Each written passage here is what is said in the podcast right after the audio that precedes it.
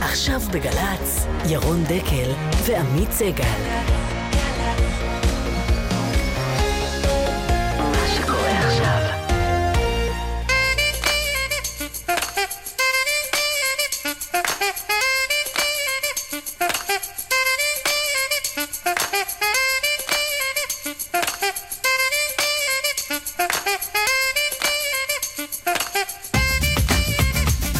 בוקר טוב, אה, עמית, בוקר טוב ירון. מה נשמע?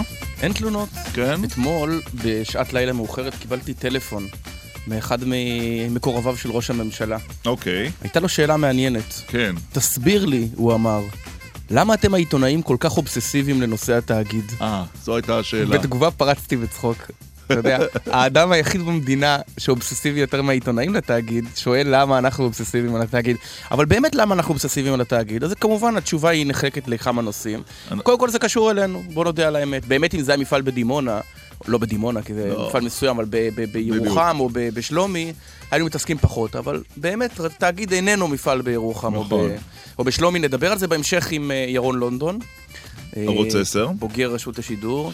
בוגר מזמן, אבל אחד מבכירי העיתונאים במדינת ישראל.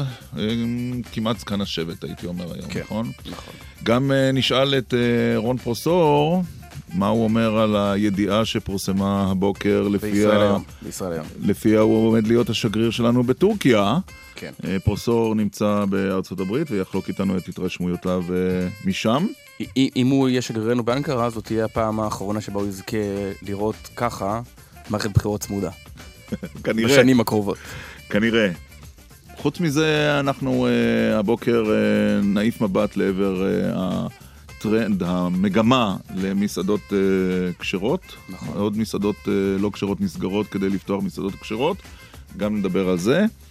ועל uh, התקציב, כן.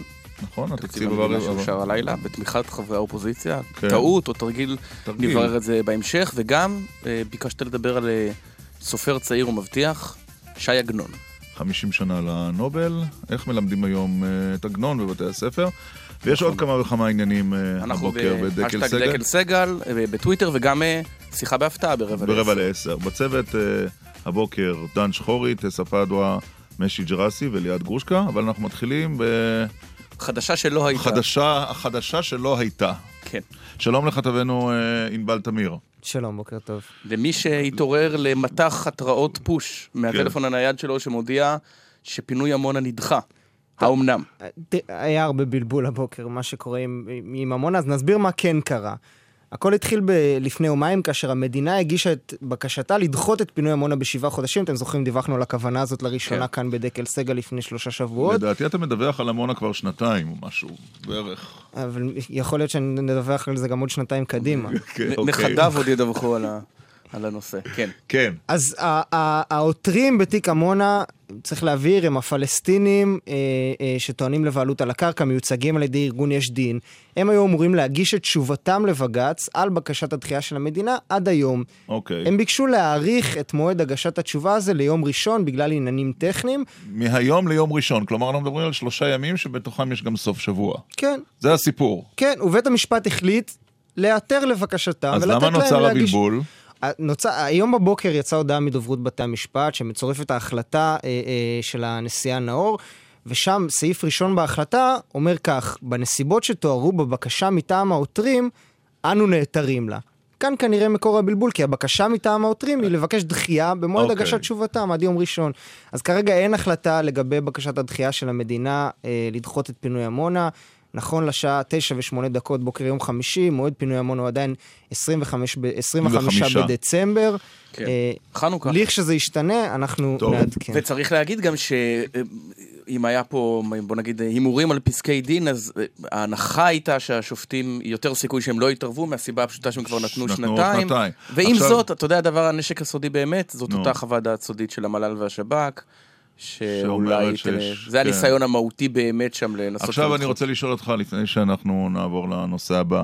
אה, והיה והבג"ץ באמת לא נותן למדינה עוד ארכה, כן, והמדינה נאלצת לפנות את עמונה, כן. או להעתיק את המתיישבים למקום חלופי.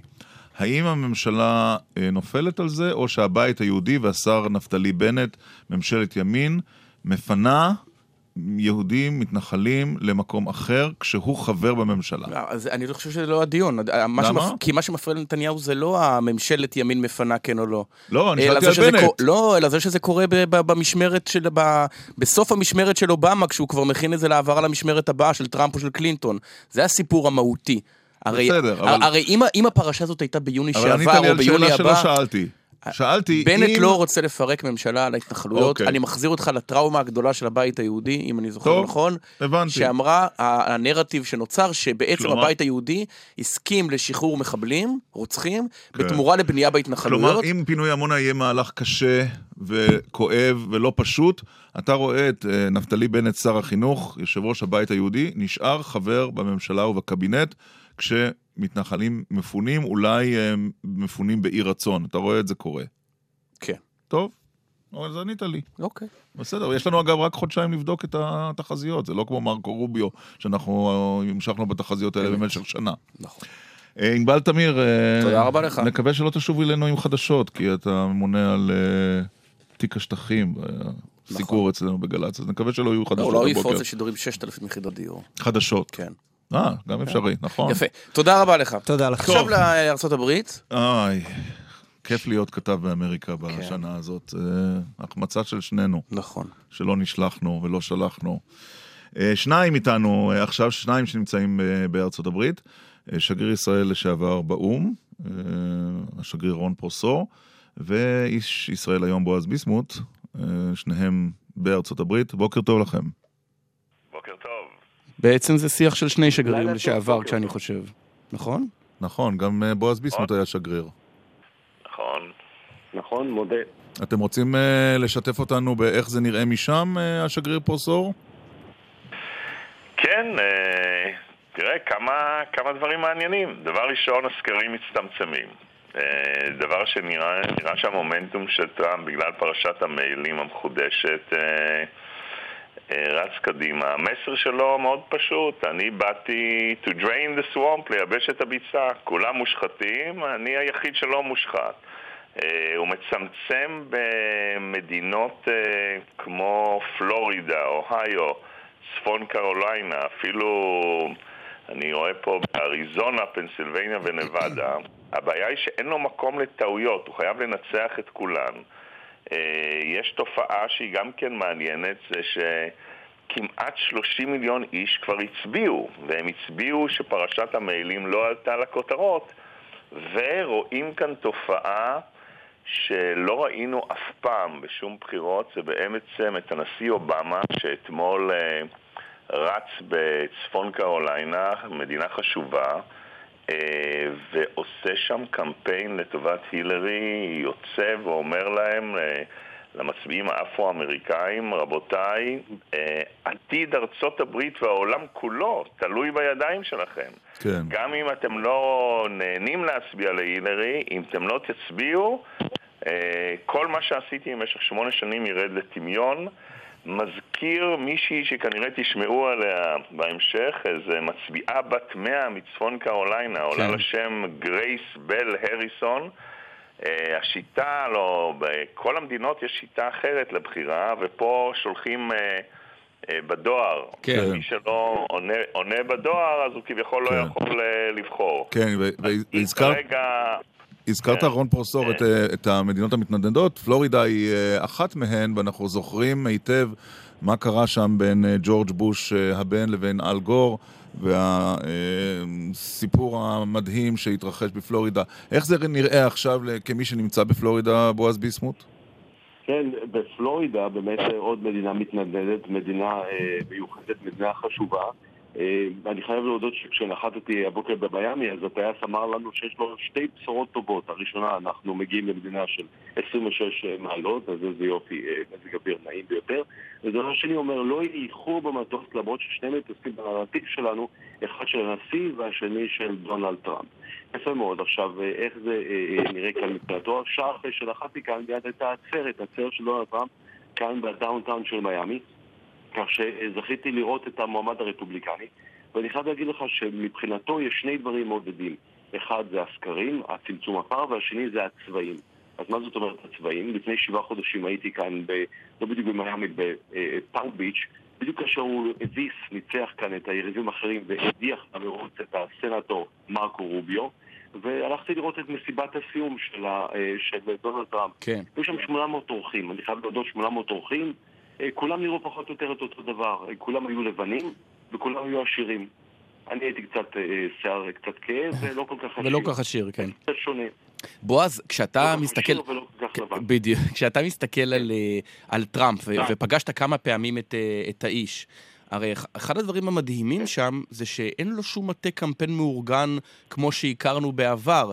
זה באמת כמעט פרטיזני. מה, מה קורה באמת בטעות הוא מנצח ביום אה, שלישי הקרוב? אז הערה מצוינת, אני רק אסיים את המשפט. אתמול במיאמי, מה ראיתי? ראיתי אה, אלפים, והפעם ראיתי הרבה הרבה הרבה נשים, והרבה מאוד היספנים, ואגב, אחרי, ה- אה, זאת יצא לי גם לבקר בליטל הוואנה, וכל כך הרבה אה, היית מצפה אחרי מה שהוא אמר על החומה ועל המהגרים, שלראות את כולם אומרים רק לא טראמפ, רק לא טראמפ, ובדיוק ההפך, אתה רואה הרבה מאוד היספנים שרוצים דונלד טראמפ. עכשיו לשאלתך, עמית, אין ספק שאחת הבעיות הקשות שלו, אה, אחד הדברים שמשחקים לטובתה של הילרי קלינטון זה כמובן הארגון.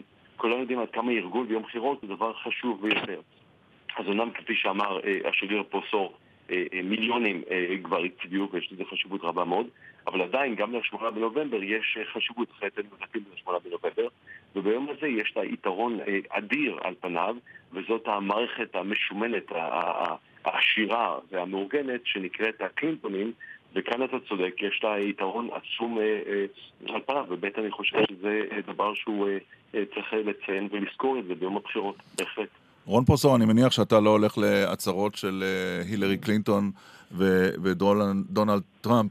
אתה, אתה נמצא שם בוושינגטון, שהיא איזה סוג של, נאמר, בועה שלא תמיד משקפת את, את אמריקה. אתה מצליח אה, בתוך ים הסקרים ש... וה- והמטוטלת שמתנודדת מצד לצד, לגבש לעצמך איזושהי הערכה לגבי יום שלישי הבא? תראו, אה, בכל אופן, אם מסתכלים על האלקטורים, אז אה, באמת להילרי, כמו שאמרתי, יש פה יתרון והוא, טראמפ, לא יכול לעשות טעויות, הוא חייב לנצח בפלורידה, הוא חייב לייצר באוהיו, הוא חייב אה, לנצח בצפון קרוליינה. אה, נכון לעכשיו נראה שבכל אופן הסיכוי שלה הוא גדול יותר, אבל תראו, המומנטום... אה, המומנטום לטובתו, הוא לא עושה כרגע טעויות. לא, לא בדיוק אגב, רון, כי מתפרסם סקר עכשיו שמראה שקלינטון הצליחה להחזיר לעצמה קצת לא? את היתרון, כן. נכון? כן, אבל, אבל אל תסתכלו על הסקרים הכוללים. בגדול צריך להסתכל על המדינות עצמן. כן. מה, ש, מה שרואים, במיוחד בוושינגטון, ושניכם חוויתם את זה, גם בועז, על העניין של כל מדינה והחוקים שלה. פנסילבניה, אין הצבעה מוקדמת. אה, זאת אומרת, נכון לעכשיו כולם הולכים. יוטה פתאום יש מועמד שבו טראמפ לא מפסיד להילרי קלינטון, אלא לאחד בשם אייבן מקמילן, יוצא CIA, מועמד עצמאי, הוא לא יכול להפסיד את אה, יוטה. כן. אה, וכמובן, המצביעים האפרו-אמריקאים אה, משמעותיים מאוד, במיוחד במדינות המתנדנדות. הקול השחור חשוב, אובמה ומישל עובדים שעות נוספות לטובת הילרי, ופה רואים ממש שאם המרוץ היה נראה גמור לחלוטין, הוא עכשיו אה, פחות מזיעים, אני רואה שגם משקיעים מיליונים בפרסומות, אה, כולל בוורד סיריס של הבייסבול, אה, בין השיקגו קאבס לקליבלנד אינדיאנס, זה, זה, מאוד אמריקאי, אבל זה מראה עד כמה אה, הילרי כרגע מזיעה, אבל אני עדיין חושב שיש לה סיכוי אה, גבוה יותר לנצח. אם אנחנו כבר משוחחים, אה, השגריר פרוסור, אה, תהינו, עמית ואני, אם אנחנו יכולים גם אה, לברך אותך. איך, איך הטורקית שלך? נשאל את זה ככה. לא, אני, אני לא, לא העליתי בדעתי שאתם לא תעלו דבר כזה, אתם ביחד, אז אני אענה ככה. רק, ש- רק נאמר על מה מדובר, שבעיתון של בועז, בישראל היום, מתפרסמת הידיעה שאתה המועמד לשגריר הבא של ישראל אה, באנקרה. ברכות. אם תרשו לי להתערב כאן, אם תרשו לי רק להתערב, אני מיד חייכתי כאשר ראיתי את הידיעה הזו כאן במיאמי, כי חשבתי לעצמי שהנה רון פרוסור, להזכירכם גם מנכ"ל משרד החוץ ואחד האחראים למינוי שלי אה, למאוריטניה, מקום שאגב אה, נהניתי כל כך להיות דגל ישראל מלא שתיים, אבל הוא בתור אחד שביקר אותי שם זכר את סידורי הביטחון הקפדניים מאוד ומיד חייכתי לעצמי ודמיינתי אותו עם אותם סידורי ביטחון. קדימה רון פרוסור, התשובה היא שלך. אנחנו הלכנו כבר, כן. אה, אז אה, מה שלושתכם, אה, מה שנקרא, ננסח את זה ככה, שירות החוץ מאוד יקר לליבי ואני רואה בו שליחות חשובה. אני עשיתי, כידוע לכם, את מיטב יכולתי לתרום, גם בלונדון וגם באו"ם, ואני בטוח שבעתיד אני עוד אשרת את מדינת ישראל, אבל כרגע אני כל כולי בניהול הקתדרה לדיפלומטיה, ועוד יש לי, שאני מתכוון להעמיד אותה על הרגליים, ואני עסוק בכמה פרויקטים בינלאומיים שאני מחויב להם, אבל אני מבטיח לכם שאם יהיה לי מעבר לזה מה לספר, אני אשמח לספר על זה בדקל וסגל. האם אנחנו יכולים לה- להגדיר את זה כראיון ראשון עם שגריר ישראל בטורקיה? זו השאלה היחידה, ואז נשחרר אותך. לא. לא.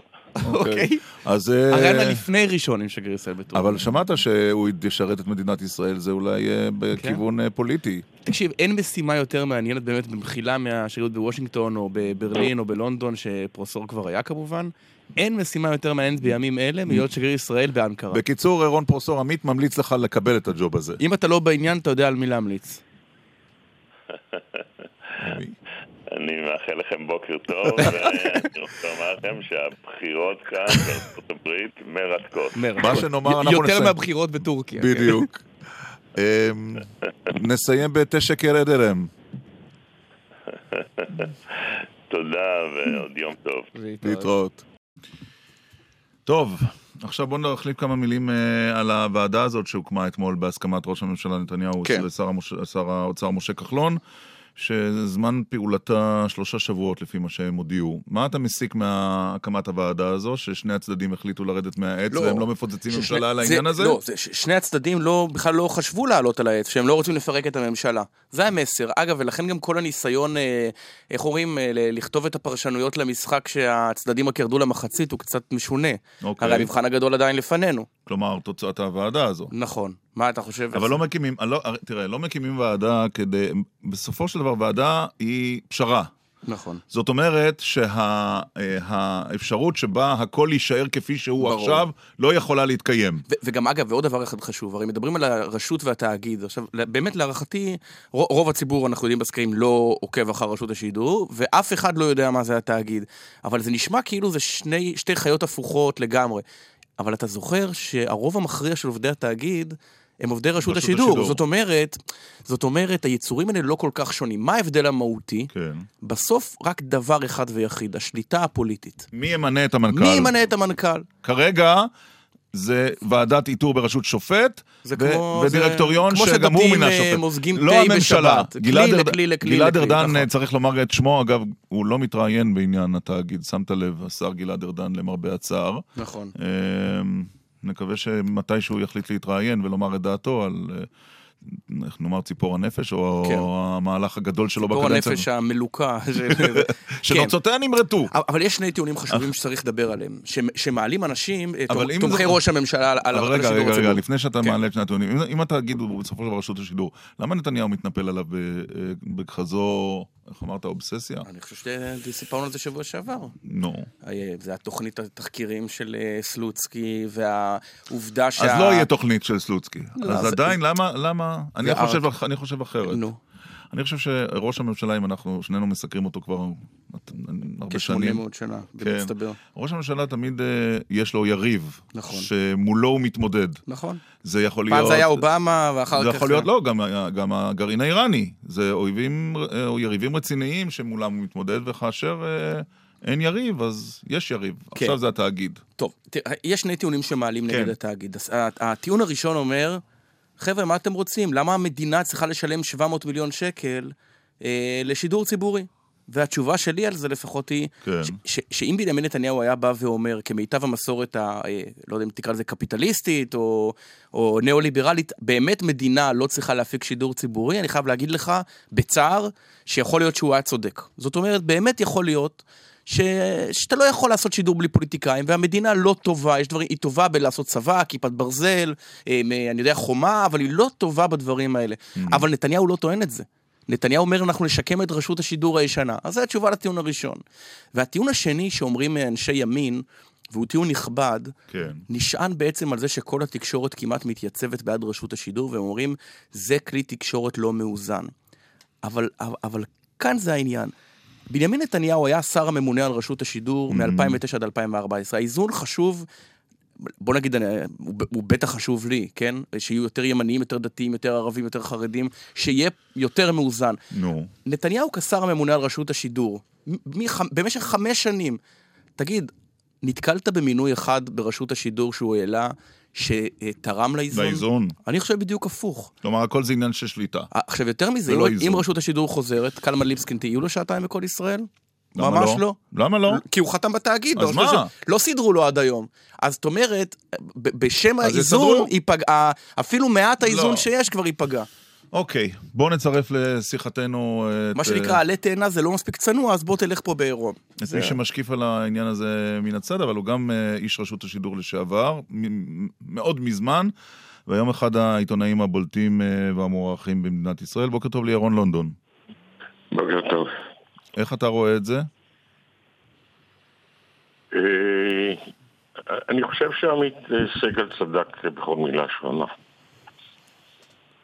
וואלה, טוב, תודה רבה. אבל זה לא אומר שאתה יורד מהקו עכשיו, אני מקווה. לא, אני יכול להוסיף כמה דברים. אנחנו נשמח, נשמח, כן. בהחלט נשמח. אבל תראה, זה ידרוש קצת אה, סבלנות. בבקשה. יש לנו הבוקר. היא קשורה במהותו של ארגון שידור, במבנהו הארגוני. זה קצת משעמם. אני מזהיר אתכם. תראו, ארגון שידור זה מפעל מסובך מאין כמותו, כי הוא גם עיתון שמזרים מידע ללא הרף, וגם כתב עת, וגם קברט, וגם תיאטרון. זה לא בית חרושת שמייצר סדרות ארוכות של מוצרים זהים שאינם משתנים לאורך תקופה ארוכה יחסית, אלא מפעל שללא הרף פולט לשוק מוצרים חדשים. ומזה צריך לנבוע המבנה הארגוני שלו. כדי שהוא ימלא את תפקידו כהלכה הוא צריך להיות מבוזר. ארגון שבעצם מאגד הרבה סדנאות לא גדולות שבכל אחת מהן משתפים פעולה בעלי מקצוע שמתמחים במקצועות טכניים רבים כן. ואומנויות אחדות. אתן לכם דוגמה כדי ליצור דרמה פשוטה, שהציבור בוודאי ער לכך. יש צורך בסופרים, עורכי תסריטים, שחקנים, תפורנים, במאים, תאורנים, כן. מאפרים, עורכים, צלמים, מוסיקאים, תקציבאים, אומני עריכה, טכנאים מסוגים שונים ואנשי לוגיסטיקה. כלומר, אלה הם סדנאות הייטק. ולא ארגונים היררכיים קשוחים, אלא מבנים שצריכים להיות שטוחים. ולכן מה המסקנה?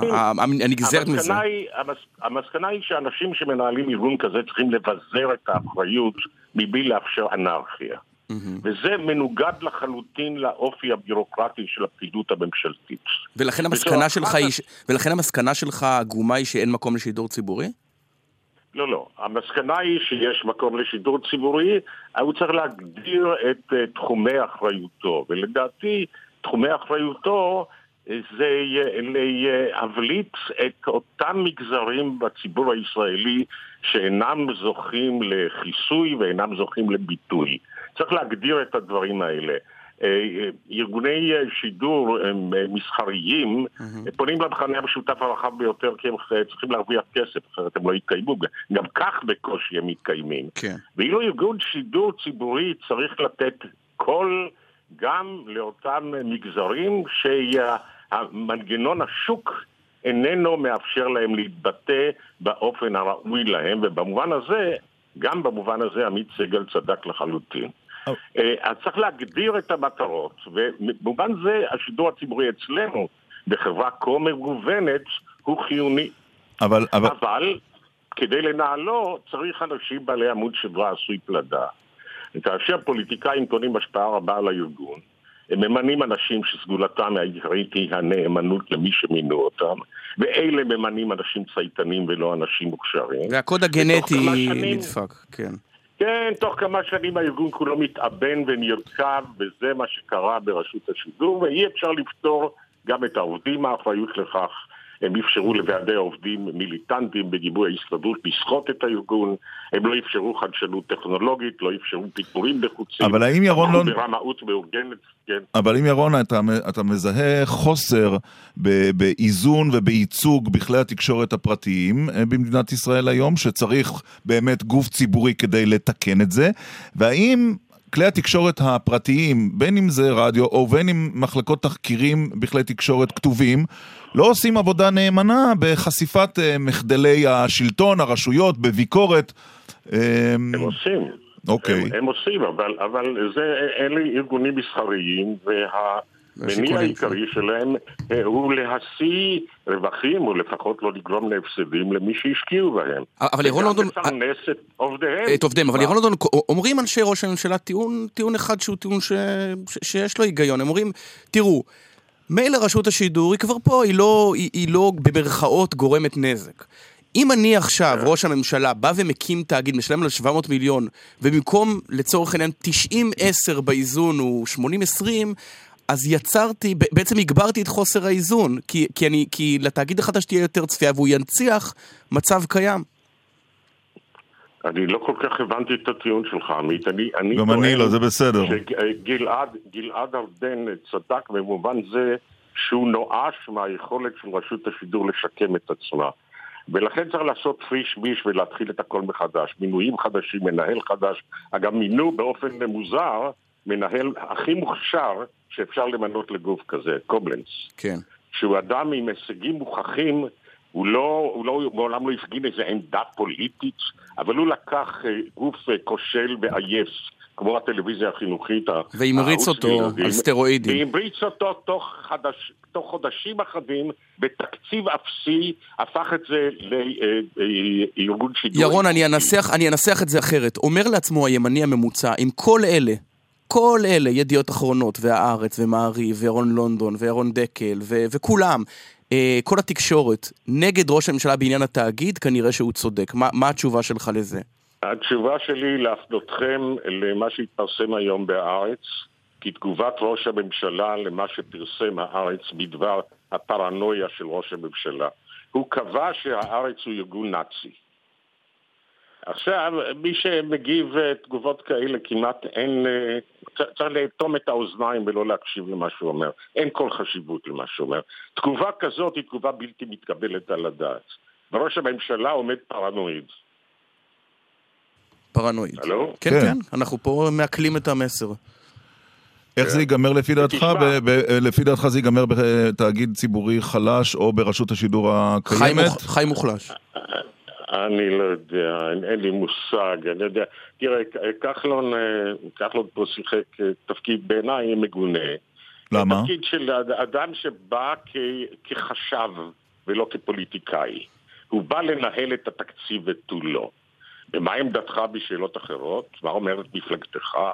למשל, מה אתה אומר בשאלה הזאת, מלבד האם הוצאות הארגון יעלו על עשרה מיליון כלומר, התאכזבת שהוא יסתכל על זה רק בחור הצר של כן, הכסף וזהו זה. כן, מה דעתך לעזאזל? מה אתה חושב? לא, מתקשקש על אה, עניין חשבונאי שהוא איננו בלתי חשוב כשלעצמו.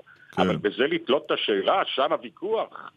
מעניין. שאלה אחרונה שקשורה בכלל לנושא אחר, אנחנו ראינו השבוע את מכתב הפרישה של אה, ארי שביט, אנחנו שומעים על אה, הפשרה של אה, ציון קינן ש, שנחשפה השבוע. מה, מה, איך אתה רואה את כל ה... איך נגיד את זה? הגל החדש של מודה ועוזב. וגם ראש, מוע... ראש המועצה משה דוד פרל שבוע, שהתפטר כן. לפני שבוע. תראה, הפנה את פניך מערבה ותראה מה קורה בבחירות בארצות הברית. הן לא נסובות על אה, שאלות כגון אה, אה, כלכלה גלובלית או הגירה, אלא על... השאלה אם הילרי קלינטון היא לסבית ואם טראמפ אונס נשים. זה ממש מדהים שבהעצמה שיש בה 325 מיליון תושבים, שבה אנחנו תולים את עינינו שתגן על הדמוקרטיה והעולם או תסייע לשמירתה, מתעסקת בשאלות המיטה של שני המועמדים. לא, אבל זה לא שאלות מיטה, זה שאלות של יחסים, של עבירת אימה, עבירה לא, על החוק. אונס לא, זה לא יחסי מיטה, זה עבירה על החוק. לא, בוודאי, בוודאי, בוודאי, כן. אבל בוא נחזור אלינו. כן. תראה, אני, אני לא יודע. אני, אני חושב שארי שביט עשה מעשה נאה מאוד ו, ואמיץ מאוד כאשר הוא הכריז את מה שהוא הכריז, הוא הודה, הודה במשגהו, בעצם באורחות חיזורו הבלתי תואמות לנהגים המקובלים בחברה החדשה. ואני שמח על כך, אני שמח, אני אפילו חושב שהוא אפילו הגזים אולי בהלקאה העצמית, הוא לא צריך לפרוש בעיתונות לכל חייו. זה שינוי הנורמות או שעכשיו הדברים מתפרסמים ויוצאים לאור ולכן אנחנו מוצפים בזה מדי יום או יומיים? תראה, זה, זה שינוי נורמות, זה שינוי נורמות, אני, אני חוויתי בחיי את ה... כיוון שאני בן 76, אני חוויתי בחיי את שינוי הנורמות, אני מברך על זה, אני מאושר. בגלל שינוי הנורמות האלה, ונכון שתנועה במהפכה היא מאוד רדיקלית, ולכן מדקדקים בקטנה כבגדולה. מדקדקים מדי? אבל... אני, אני לא יודע אם מדקדקים, לא, לא מדקדקים מדי. אני חושב שאנשים צריכים להיענש על התנהגות, גברים צריכים להיענש על התנהגות אה, לא הוגנת כלפי נשים. צריך למחות את התופעה הזאת מעל פני העננה. ונכון שיש קורבנות, ופה לפעמים יש הפרזה. הטענה אחת הטענות שלי היא טענה שולית, אבל היא טענה חשובה בכל זאת. אה, האישה שהתלוננה על אה, אה, קינן, התלוננה על מעשה שנעשה לפני תשע שנים. חודשיים לפני אה, סף אה, התפוגגות, אה, אה, איך קוראים לזה ב- בלשון משפטית? התיישנות. אה, ההתיישנות, כן. כן. אה, אתה מבין, בכך איבדה ההתקפה המוצדקת שלה מתוקפה. למה לא עשית זאת מיד? למה לא עשית את זה אחרי חצי שנה, אחרי שנה? עכשיו, מה המשמעות המשפטית? אה, אה, ייתכן שהיא לא צודקת. כן. ועובדה היא שהבורר שהתמנה כן. מצא שאין ממש בטענות שלה. לך תברר את זה עכשיו. אז אנשים, נשים אה, רדיקליות, אפילו לא רדיקליות, אומרות, היא תשע שנים היא לא יכלה מפני שזה טראומה כל כך נוראה שאישה זקוקה לשנים כדי להתגבר עליה ולפצות את פיה. מצד שני, ייתכן שמה שהיא אומרת איננו נכון. עובדה שאיש כל כך מכובד כמו השופט אדלר מצא שאין כן. ממש בטענותיה. כן. אם ככה, קינן הוכפש לשווא. לך תדע איפה הצדק. אני, אני, אני, אני קורא לנשים, טוב, מעמדתי המצחיקה, אני קורא לנשים, תמיד מצחיק אותי, כן, כן שאנשים כותבים מכתבים להמונים. אני, אני אומר, מה ההיגיון בזה? נשים צריכות להתלונן מיד. זה יעלה להם במחיר לא קל נכון, לעמוד בפני בית המשפט. ולכן הן לא תמיד לא רוצות. קל. נכון, כי זה לא קל. אני מבין את זה, אני מבין את זה, אבל אם אנחנו מתחילים במאבק למען זכויות האישה, כן. שהזכרים, כלומר אנחנו, יפסיקו להתנהג כמו חזירים, מוכרחים להיאבק ולשלם מחיר. כי כן. אחרת מה קורה? אפילו בשוליים נגרם עוול לגברים, אפילו בשוליים. נגיד שחמישה אחוז מהטיעונים כלפי גברים אינם... הם לא נכונים. אז חמישה אחוז... זה... הם לא נכונים. כן. אז אנחנו מוכנים לעקוד אנשים שלא חטאו במאום למען המהפכה הזאת? ירון לונדון. זאת הבעיה. ירון לונדון, אה, לא. כתמיד מעניין לשוחח איתך. תודה רבה. תודה רבה. יום טוב. באיחור קל, חסויות, חסויות אה, וזמרירים. התפתחות מעניינת. מאוד. ביחסי אה, נשיאת העליון ושרת המשפטים. עכשיו בגל"צ, ירון דקל ועמית סגל. תשע וארבעים עכשיו בגל"צ, כתבתנו לענייני משפט דור מימון מצטרפת אלינו עם uh, התפתחות מעניינת ביחסי נשיאת בית המשפט העליון ושרת המשפטים, נכון? שלא לומר נכון הידרדרות חריפה. אוקיי. זה לא התפתחות מעניינת, זה פשוט uh, כמעט uh, נתק. Uh, נשיאת המשפט, נשיאת בית המשפט העליון מרים נאור שולחת מכתב חריף, ויש לומר חריף וחריג, לשרת המשפטים בעקבות החוק שפורסם השבוע שהגיש רוברט אילטוב, חבר הוועדה למינוי שופטים. Uh, לפיה יוכלו להיבחר שופטי עליון ברוב רגיל ולא ברוב מיוחס כמו שהיה עד עכשיו uh, בוועדה למינוי שופטים. אה, היא למעשה כותבת לה, אני מבינה שמדובר בהצעת חוק פרטית, אבל בגלל שזה פורסם בכלי התקשורת ואת לא הסתייגת מזה, אני מצליחה להבין שגם את עומדת. לא רק לא הסתייגה, השרה שקד אמרה לנשיאה כן. נאור שהיא תומכת בזה, כן.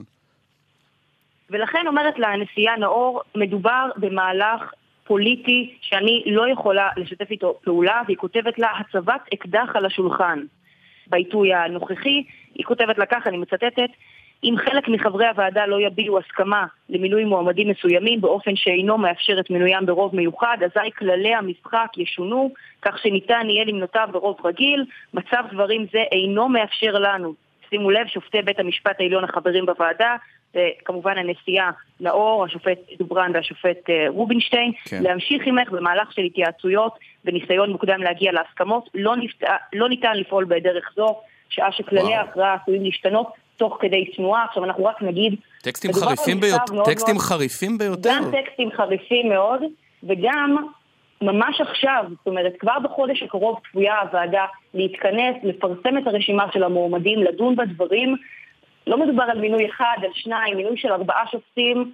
נשיאת בית המשפט העליון, אנחנו יודעים ששופטים בדרך כלל לא מדברים, אבל כאן כנראה לא יכולה לשתוק יותר, וכמובן שהיא כותבת שאת המכתב הזה היא שולחת בהסכמה עם חבריה, שופטי העליון החברים בוועדה, והנה כבר מגיעה התגובה מלשכתה של שרת המשפטים. מה היא אומרת? של מה היא אומרת? ישיבות הוועדה לבחירת שופטים ימשיכו כסדרן, בימים הקרובים תפורסם רשימת המועמדים לבית המשפט העליון. וואו. אני לא יודעת מה זה אומר לגבי נאור, כי היא אומרת שהיא לא מוכנה להמשיך את המשא ומתן אה, לגבי הרשימה, על אף שאנחנו גם יודעים שהרשימה כבר כמעט אה, סגורה. טוב, הדרמה הגדולה היא פעם ראשונה שיש מחלוקת כזו פומבית בין שרת המשפטים איילת נכון. שקד לבין הנשיאה מרים נאור. נכון, כי בהחלט. מאז שאיילת שקד התמנתה לתפקיד הזה, תפקיד מיניסטריאלי ראשון שלה, הם הפגינו ידידות בכל אה, מקום פומבי, בכינוס באילת, בהודעות לעיתונות ב- וכולי אבל וכולי. תבין מה אומרת ההודעה של איילת שקד, היא אנחנו- אומרת, איילת שקד אומרת דבר הרבה יותר אה, אני לא משמעותי מזה, היא מתרשמת אומרת, אני לא מתרשמת מהווטו שלה. שמעתי את גברתי. תודה רבה. כן. הש- השופטים נובחים והשיירה עוברת, עם להיות חריף. מרים נאור, מה שהיא מוציאה כאן עכשיו זה פשוט, תראה, אני הייתי רוצה להגיד איומים, אבל אה, לא נעים לי להשתמש במושג הזה, כן. אבל זה פשוט לא פחות מזה. היא אומרת לה, אני לא אמשיך לנהל איתך משא ומתן על שופטי עליון, צריך לזכור, אגב, שבוועדה הזו יש גם את... אה, אה, נציגי לשכת עורכי הדין, שהם אמנם אה, מיודדים עם שקד, אבל לא פחות גם עם אה, כן. חברי... כן. נשיאי, טוב, אה, דור מימון, המשפט העליון והשופטים.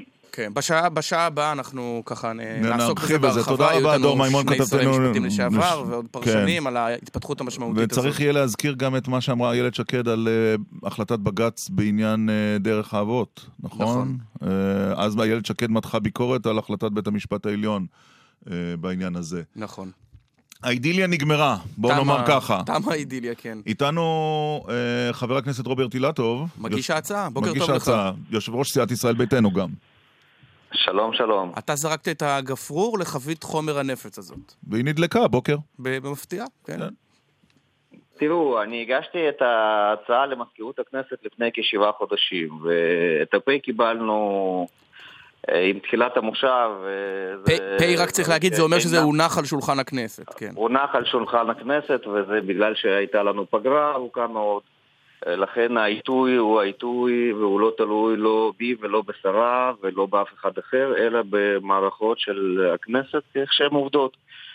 אה, לכן אה, כל הקישור הזה שאנחנו שמנו את הדבר הזה על השולחן דווקא עכשיו, הוא לא, הוא לא קשור.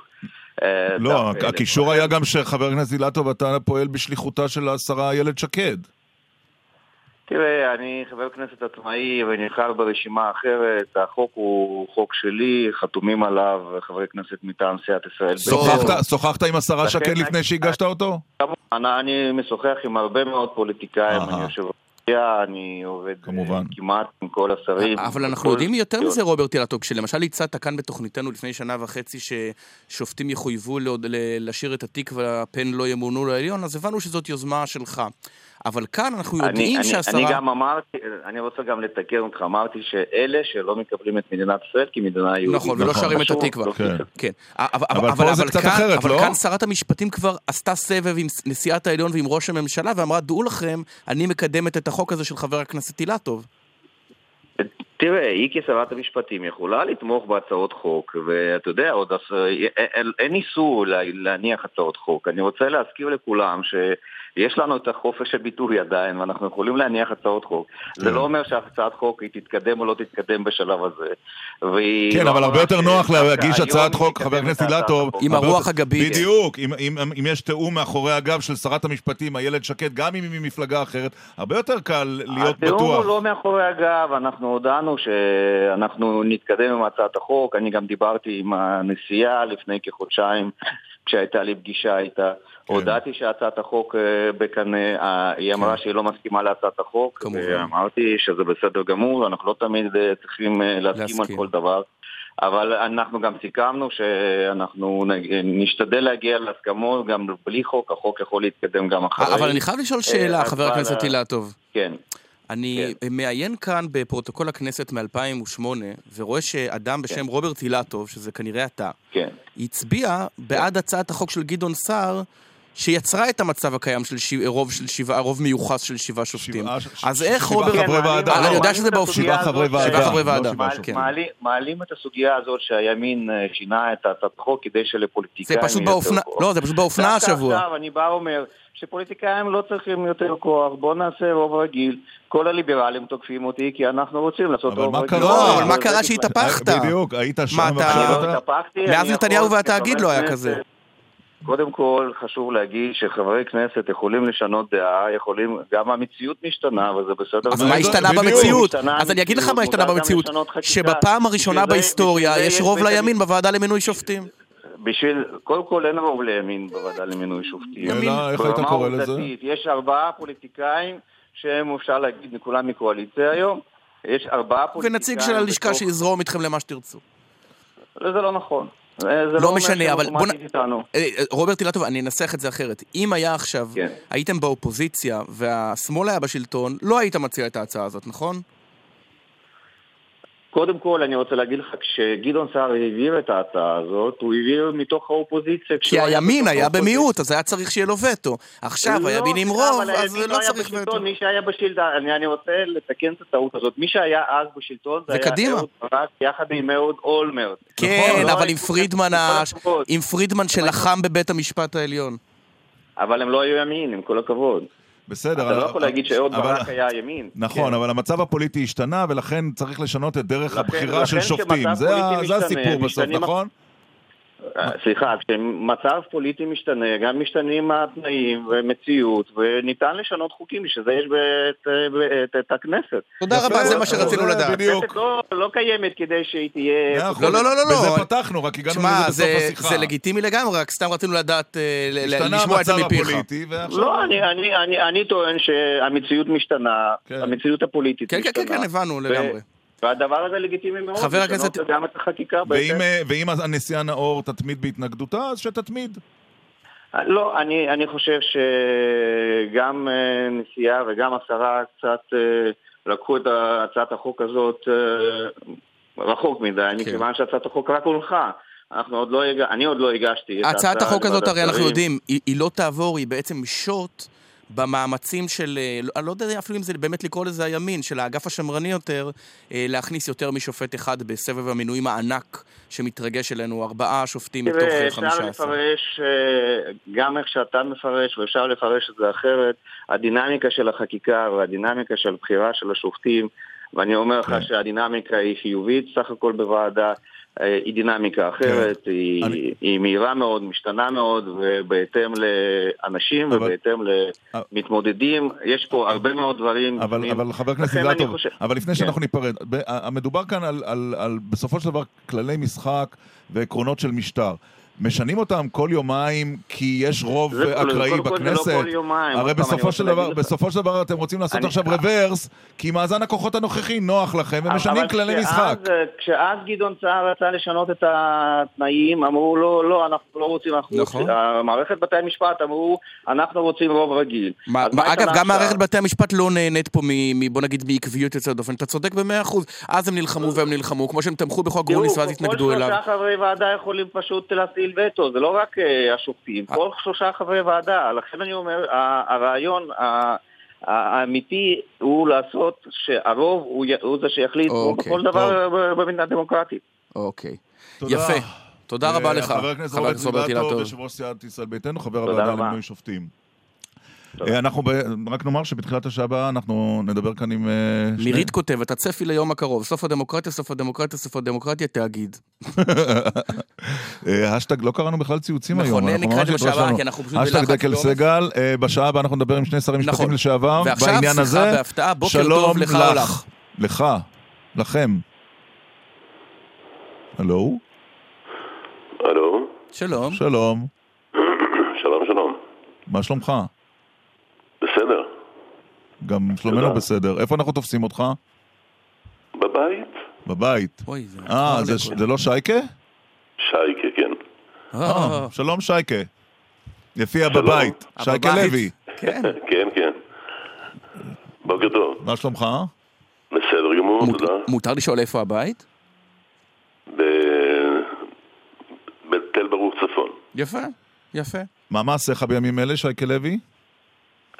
אמ, כל מיני, אני, יש לי, אה, יש לי מופע שאני מופיע איתו. אה, אני מתארח אצל אה, משה עטיש, משה להב, עטיש הגדול, אני מתארח אצלו אוי, איזה כיף. בסוף, בסוף חודש נובמבר אני מתארח אצלו ב, בחיפה, בזאפה, ובתחילת דצמבר, ב-12 בדצמבר, בזאפה הרצליה, ואני עושה ככה לא הרבה, אבל אה, יש לי מופע שלי שאני גם אה, מופיע לבד פה ושם, אם, אם יש צורך, אם פונים אליי. כן. וזהו. נזכרתי אני בך- סיפורים, נזכרתי- אני מספר סיפורים ושר שירים. נזכרתי בך השבוע על התאגיד, על המערכון המופלא לאוהד בית"ר שאומר שהוא רוצה למנות את ההנהלה, את השחקנים, לקבוע את התוצאה, ואם לא, הוא ישרוף את המועדון. נכון. זה גם מה שאת... מה אתה חושב על העניין הזה של התאגיד, שייקה לוי? אני אגיד לך את האמת, אני ממש לא מצוי בתוך אה, כל העניין. באמת? לא, לא מצוי. כן, אני, אני, אני חושב שצריך לעשות שינוי, בהחלט. אני חושב שרשות השיעור הייתה צריכה ניעור, והייתה צריכה איזשהו שינוי היה צריך לקרות, אם לקרוא לזה תאגיד או לא תאגיד, אבל אה, אם החליטו לעשות תאגיד וחשבו שזה טוב, וישבו על זה ודנו, ובסוף החליטו לעשות תאגיד, אז צריך לעשות תאגיד. אם זה טוב, זה טוב. אה, רשות השידור ככה לא יכולה הייתה להמשיך, אני חושב שהיה שם הרבה מאוד אה, דברים לשנות. אבל, אבל אתה לא לגמרי מגובש. בעניין שרת התרבות מירי רגב אתה יותר מגובש? בדעתך אה, עליה? על פעילותה? לא, לא, אני לא, שמח לא, שזה לא, מצחיק אותך, כי לא את כל האומנים בישראל זה מצחיק כשמזכירים להם את שרת התרבות. לא, כשאתם אתם פתאום... פתאום נפלתם עליי. אה, נפלתם עליי פתאום אה, בבוקרו של יום, ואתה אומר ישר, אה, יש לי הרבה דעות, אבל לא לא את כולם צריך להגיד. בכל זאת? בכל זאת אני חושב שאני יודע, אה, לא, לא, יודע, לא יודע מה להגיד, אני חושב שגם פה אה, נעשו טעויות איזה שהם. למה? אני לא יודע. כן. טעויות מה? ב- ב- באופן שבו התרבות לא ייצגה את כל מי שראוי שתייצג? לזה אתה מתכוון? לא, לא. אני חושב ש... כמו שיש ועדה לבחירת שופטים, צריך עוד ועדות לבחירות כל מיני. אהה, הבנתי. תגיד, אתם, ב- ב- התופעה של הגשש החיוור הייתה תופעה חסרת תקדים במובנים מספריים גם עד היום. בישראל היו אז רק שלושה ארבעה מיליון איש, אבל מעולם אה, אה, צוות בידור בישראל, זמר, שחקן, תיאטרון, לא מכר כל כך הרבה כרטיסים כמוכם. מה היה סוד ההצלחה? אני יודע שזאת שאלה מאוד מקורית שמעולם לא נשאלה. סוד ההצלחה, לא יודע, עבודה, עבודה, עבודה. הרבה עבודה.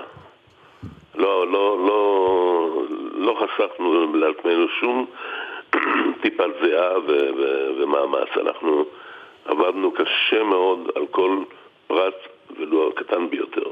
כן, תגיד, ויש מישהו שמתקרב היום ברמה, בטקסטים, בחדות לגשש?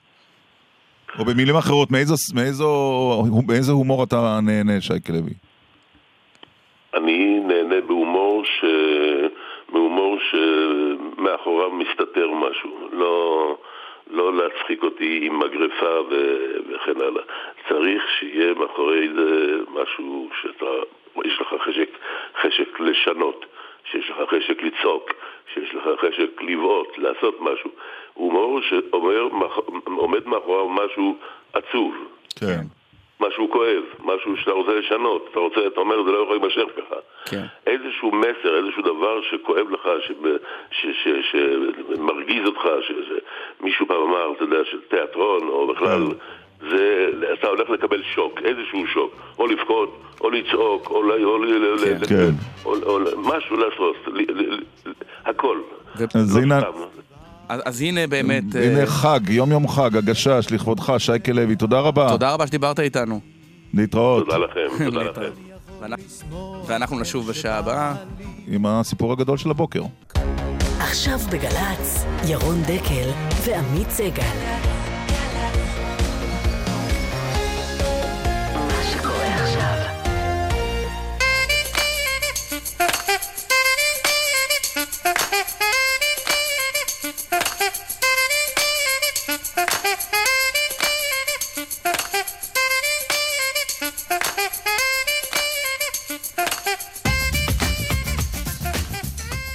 שלום לכולם. למקרה שמישהו חשש שיהיה משעמם, כי עד דחייה אז של שלושה שבועות אז- בתאגיד, אז עכשיו, נכון, אז אנחנו לא נדבר כנראה בשעה הזו על התאגיד, אבל ברוך השם. תקציר הפרק הקודם שפרץ לעולמנו לפני 24 דקות, עמית סגל לטובת מי שהחמיץ, עימות בין שרת המשפטים איילת שקד לבין נשיאת בית המשפט העליון אה, מרים נאור, על רקע הצעת החוק שמשנה את כללי ה... כללי המשחק בוועדה לבחירת שופ- שופטים, ללא, ללא, ללא וטו של, ללא. וטו של שופטי בית המשפט העליון, כי היום, נכון. לפי החוק, צריך שבעה מתוך תשעה. וזה משנה את זה לחמישה מול ארבעה, וברקע צריך ויש להזכיר... לשרה שקד רוב גם ללא מרים נאור וחבריה מבית המשפט העליון. וברקע המינוי הכמעט יחיד בדורו של ארבעה שופטים בבת אחת לבית לעליון. המשפט העליון. איילת אה, שקד נחושה בדעתה לשנות את פניו של בית המשפט העליון להרבה מאוד שנים. מרים נאור רוצה שלשופטים ולמי תהיה זה כאן מגיע? אמירה. כאב הראש של מי זה הופך להיות שוב? משה כחלון, חבר הוועדה למינוי שופטים, ועם בעל זכות וטו על הצעות חוק הנוגעות למעמדו של בית המשפט העליון. Mm. מעניין. כאילו לא היה לו... שכחתי, נכון, שכחתי שכחלון כאילו לא היה לו מספיק עמוס גם כך. אבל מעניין. איתנו, מי שהייתה שרת אה, משפטים אה, פעמיים, חברת הכנסת ציפי לבני, המחנה הציוני, בוקר טוב לך, חברת הכנסת לבני. בוקר, בוקר טוב ושלום רב. אתם בזמנו שיניתם את כללי המשחק. אה, מחמישה לשבעה לש- שופטים. כן, והיום מבקשת קואליציה אחרת לשנות, לעשות רוורס. מה פסול בזה? אנחנו נדבר גם על בית המשפט העליון וגם על התאגיד, כי זה אותו עניין. אה, שרת המשפטים, יחד עם ראש הממשלה, בעצם מבקשים לסמן את כולם, את העיתונאים ואת שופטי בית המשפט העליון, ובכוח לקבוע את ההרכב, גם של אה, אמצעי התקשורת וגם של בית המשפט העליון. אה, נכון, גדעון סער הגיש בז- בזמנו הצעת חוק אה, שנתנה לשלושת שופטי העליון בוועדה אתם אומרים וטו, רק צריך לזכור שלא תמיד גם הם מצביעים ביחד. אה, אני לא זוכר שום מקרה בנושא העליון שהם לא הצביעו ביחד. אז אני יכולה להזכיר לך את המינוי האחרון, אני לא נכנסת למה שהיה בוועדה, אבל זאת לא... בסופו של יום זאת הייתה הצבעה משותפת, אבל לא נכנסו לחדר עם אותה עמדה. אוקיי. אבל זה לא החלק, זה לא החלק שמשנה. אני גם, אה, אפשר לעשות כל מיני דיונים תיאורטיים על הרכב הוועדה לבחירת שופטים, זה ממש לא הסיפור. הסיפור כאן שיש ניסיון של קבוצה שכיום הקואליציה במדינת ישראל לשנות באופן מהותי את טיבה של הדמוקרטיה במדינת ישראל. זה לא עניין טכני. זה לפגוע בבית המשפט העליון, אה, לגרום לו לחוסר לגיטימיות כדי שהפסיקות שלו בעניין עמונה או דברים אחרים ייתפסו כלא לגיטימיים, או, לחלוטין, או לחלופין. להכניס לתוך בית המשפט העליון אנשים מטעמנו. אתה יודע, אני גדלתי במקום שבו באמת אה, היו כאלה שלא קיבלו עבודה דווקא מהצד אה, של הוריי, אה, כי לא היה להם את הפנקס המתאים. האדום. והיום, והיום, הפנקס האדום, והיום הממשלה הזאת, שבאה ממקום שיודעת בדיוק מה זה אומר, עושה את זה בציניות, בנחישות, אבל אני לא... ותפקידנו להילחם בזה. אבל את יודעת מה הבעיה העיקרית עם, עם uh, המתקוממים נגד צעדי הממשלה? שלוקחים הצעת חוק מספרית שאפשר להתווכח עליה, והופכים אותה לחזות הכל. אני אתן לך דוגמה, חוק גרוניס שעבר בזמנו, שבעצם אה, אה, אפשר לגרוניס להיות שלוש שנים. בזמנו תמכו בזה מערכת המשפט, ואז פתאום זה נהיה דגל אדום. בזמנו עלו על הקיר, טיפסו על הקירות נגד גדעון סער, ועכשיו לא. קודם כל תבחן אותי. אני בזמנו גם אמרתי על העניין של גרוניס, בן אדם מאוד ראוי, אבל אמרתי לו. לא מחוקקים חוקים פרסונליים, אה, וגם אז אלה, היו כאלה שחשבו שהוא יהיה להם בסדר, זה היה מאותם שיקולים. כן. כן. אבל אני רוצה לומר לך, עמית, מה התפקיד שלי. אה, במקום אה, להתפתות ולרדת לבור הזה שהממשלה הזאת קוראה לנו, כאילו כל הצעת חוק יש בה היגיון, ובעצם למה לא, והתאגיד זה בכלל שאלה של חיסכון כלכלי, וכאן זו שאלה איזושהי מספרית טכנית. ודרך אגב, הגשתי הצעת חוק, כי כיום בוועדה לבחירת שופטים אין שום נציג לאופוזיציה, כן. נכון. אה, לעומת הנוהג שהיה קיים כל השנים. ר- רק תן לי כן, כן, בטח. בטח, בטח. לא מדובר, מדובר כאן, אם מחברים את הנקודות האלה, יש כאן פנים, והפנים האלה זה הפנים שהממשלה רוצה להפוך את מדינת ישראל ולשנות את פניה, והתפקיד שלנו ולהראות לציבור שמדובר כאן במהלך מכוון, חובק זרועות, שנועד לפגוע באיזון של מדינת ישראל כמדינה יהודית ודמוקרטית. זו בדיוק... ולהוביל אותנו בסוף, לצערי, למדינה דו זו בדיוק המחלוקת. הרי בוועדה למינוי שופטים, אה, איך אומרים, המשחק של הימין או של האגף השמרני מתחיל תמיד בפיגור 2-0. עולים ישר שלושה שופטים שלרוב, אולי לא תמיד, אבל לרוב הם מתואמים בעמדותיהם. עוד נציג אחד בדרך כלל של לשכת עורכי הדין מתוך השניים, ומספיק שיהיה אפילו נציג אחד של השמאל, או של האגף האקטיביסטי יותר בכנסת, והנה זה נגמר. זאת אומרת, למ, למה כשהאיזון הזה מופר לצד, אה, לצד האקטיביסטי, זה לא מפריע לאף אחד? קודם כל, אני רוצה גם אה, לומר, אני כשרת משפטים בקדנציה הראשונה ביקשתי למנות את רות גביזון לעליון וניהלתי מאבק על זה מול בית המשפט. נו, ולא הצלחת, ולא הצלחת. ולא הצלחתי. וההפסד של כולנו. בין היתר גם זה, נכון? אה, בין היתר, בגלל שבג"ץ הוא משקף תפיסות חוקתיות ולא רק עניין טכני של משפטים, העניין היותר מקצועי, אה, חשבתי שזה נכון. קודם כל, היום בית המשפט העליון הוא כן כזה. ודבר שני, אתה יודע מה? אני צריכה לעשות בחירה. אין, אין, אני כבר לא יכולה לשחק במשחק אה, האחר. אני צריכה לעשות בחירה בין ישראל יהודית ודמוקרטית גם וגם, לבין מה שרוצים לעשות לדמוקרטיה בכוונת מכוון, ואם אני צריכה לבחור בין הממשלה הזאת לבין בג"ץ חזק, ושומרי סף חזקים, אני בעדם. ותאגיד השידור הציבורי זו חזות הדמוקרטיה? כלומר, אם הוא לא יקום זה סוף הדמוקרטיה, או זו פגיעה אנושה בדמוקרטיה בעינייך? הפגיעה האנושה בדמוקרטיה היא זה, ובבקשה אל תיתממו בשידור, כל אחד מכם הולך היום עם תווית מאיזה צד של המפה הוא נמצא, זה דיון שאני בחיים לא רציתי לנהל אותו. אני קיבלתי לפרק זמן קצר. את כמעט סגרת עיתון, ב... כמעט סגרת עיתון בישראל, מה אנחנו מדברים? אני אדבר על... לא, לא סגרתי עיתון אה, בישראל. בסדר, וגם הוא לא סוגר את התאגיד, הוא משקם את הרשות. נו בואו נחתוך את לא, המכבסת לא, מילים. לא, לא, לא, לא, אני אומר את האמת על ישראל היום, זה לא עיתון בישראל, זה שופר תעמולה מטעם, עם כיס אז מה? עמוק. מי שמח להחליט אבל? אני אגיד לך... והתעלמת מחוות דעת של היועץ המשפטי לממשלה. אני אגיד לך אז מה, אז מה הוא שאני היום לא יכולה, אני מוגבלת, ואני פועלת לפי החוק, במסגרת uh, תעמולת בחירות אפשרית או לא אפשרית, ובצדק, דרך אגב, בחן מבקר המדינה, האם V15 היו חלק מתעמולת בחירות שלנו או לא, וקבע שלא. ישראל היום, אם עושה את אותו דבר, עושים את אותו דבר, בעצם ללא שום פיקוח. כל מה שרצינו לא לסגור, דרך אגב, כמו כל עיתון אחר. אני לא רוצה לחזור אבל לוויכוח ההיסטורי, חברת הכנסת לידי. השאלה אם המצב התקשורת היום הוא כזה... רק שנייה, רק תן לי, הסיפור הוא לא התאגיד, הסיפור הוא המכלול. וראש הממשלה רוצה לשלוט בתכנים, רוצה להפחיד עיתונאים, הוא מתלונן על זה, הוא מקטר על זה. ואת מרגישה שהעיתונאים פוחדים באמת? את מסתכלת על הגריירה של התקשורת במדינת ישראל. את מרגישה שיש עיתונאים מפוחדים? אני חושבת, ש... אני חוששת, בוא נאמר ככה. כולנו בני אדם. אני רואה פוליטיקאים מתקרנפים, אני רואה חלק מהעיתונאים, ואני מאוד מקווה שבית המשפט העליון באמת ימשיך לעמוד נמרצות, כי מול הצעדים שעושים, לא נגדו, זה לא נגד בית המשפט העליון, זה נגד כולנו בתפיסתי. באמת, פעם אחת אה, יפעלו באופן שלא יוכלו לכופף. אה, כן, כולם בני אדם, וכולם חרדים למקום עבודתם, אה, ולפרנסתם, ויש כאלה שבכל זאת יעמדו זקופי קומה ויצעקו נגד. חברת הכנסת לבני, זה מה שאני מנסה לעשות במגרש הפוליטי. את באמת אבל מרגישה שהאגף השמאלי במפה הפוליטית מגיע לקרב הזה על חופש הביטוי, שהוא קרב חשוב מאוד לכולנו.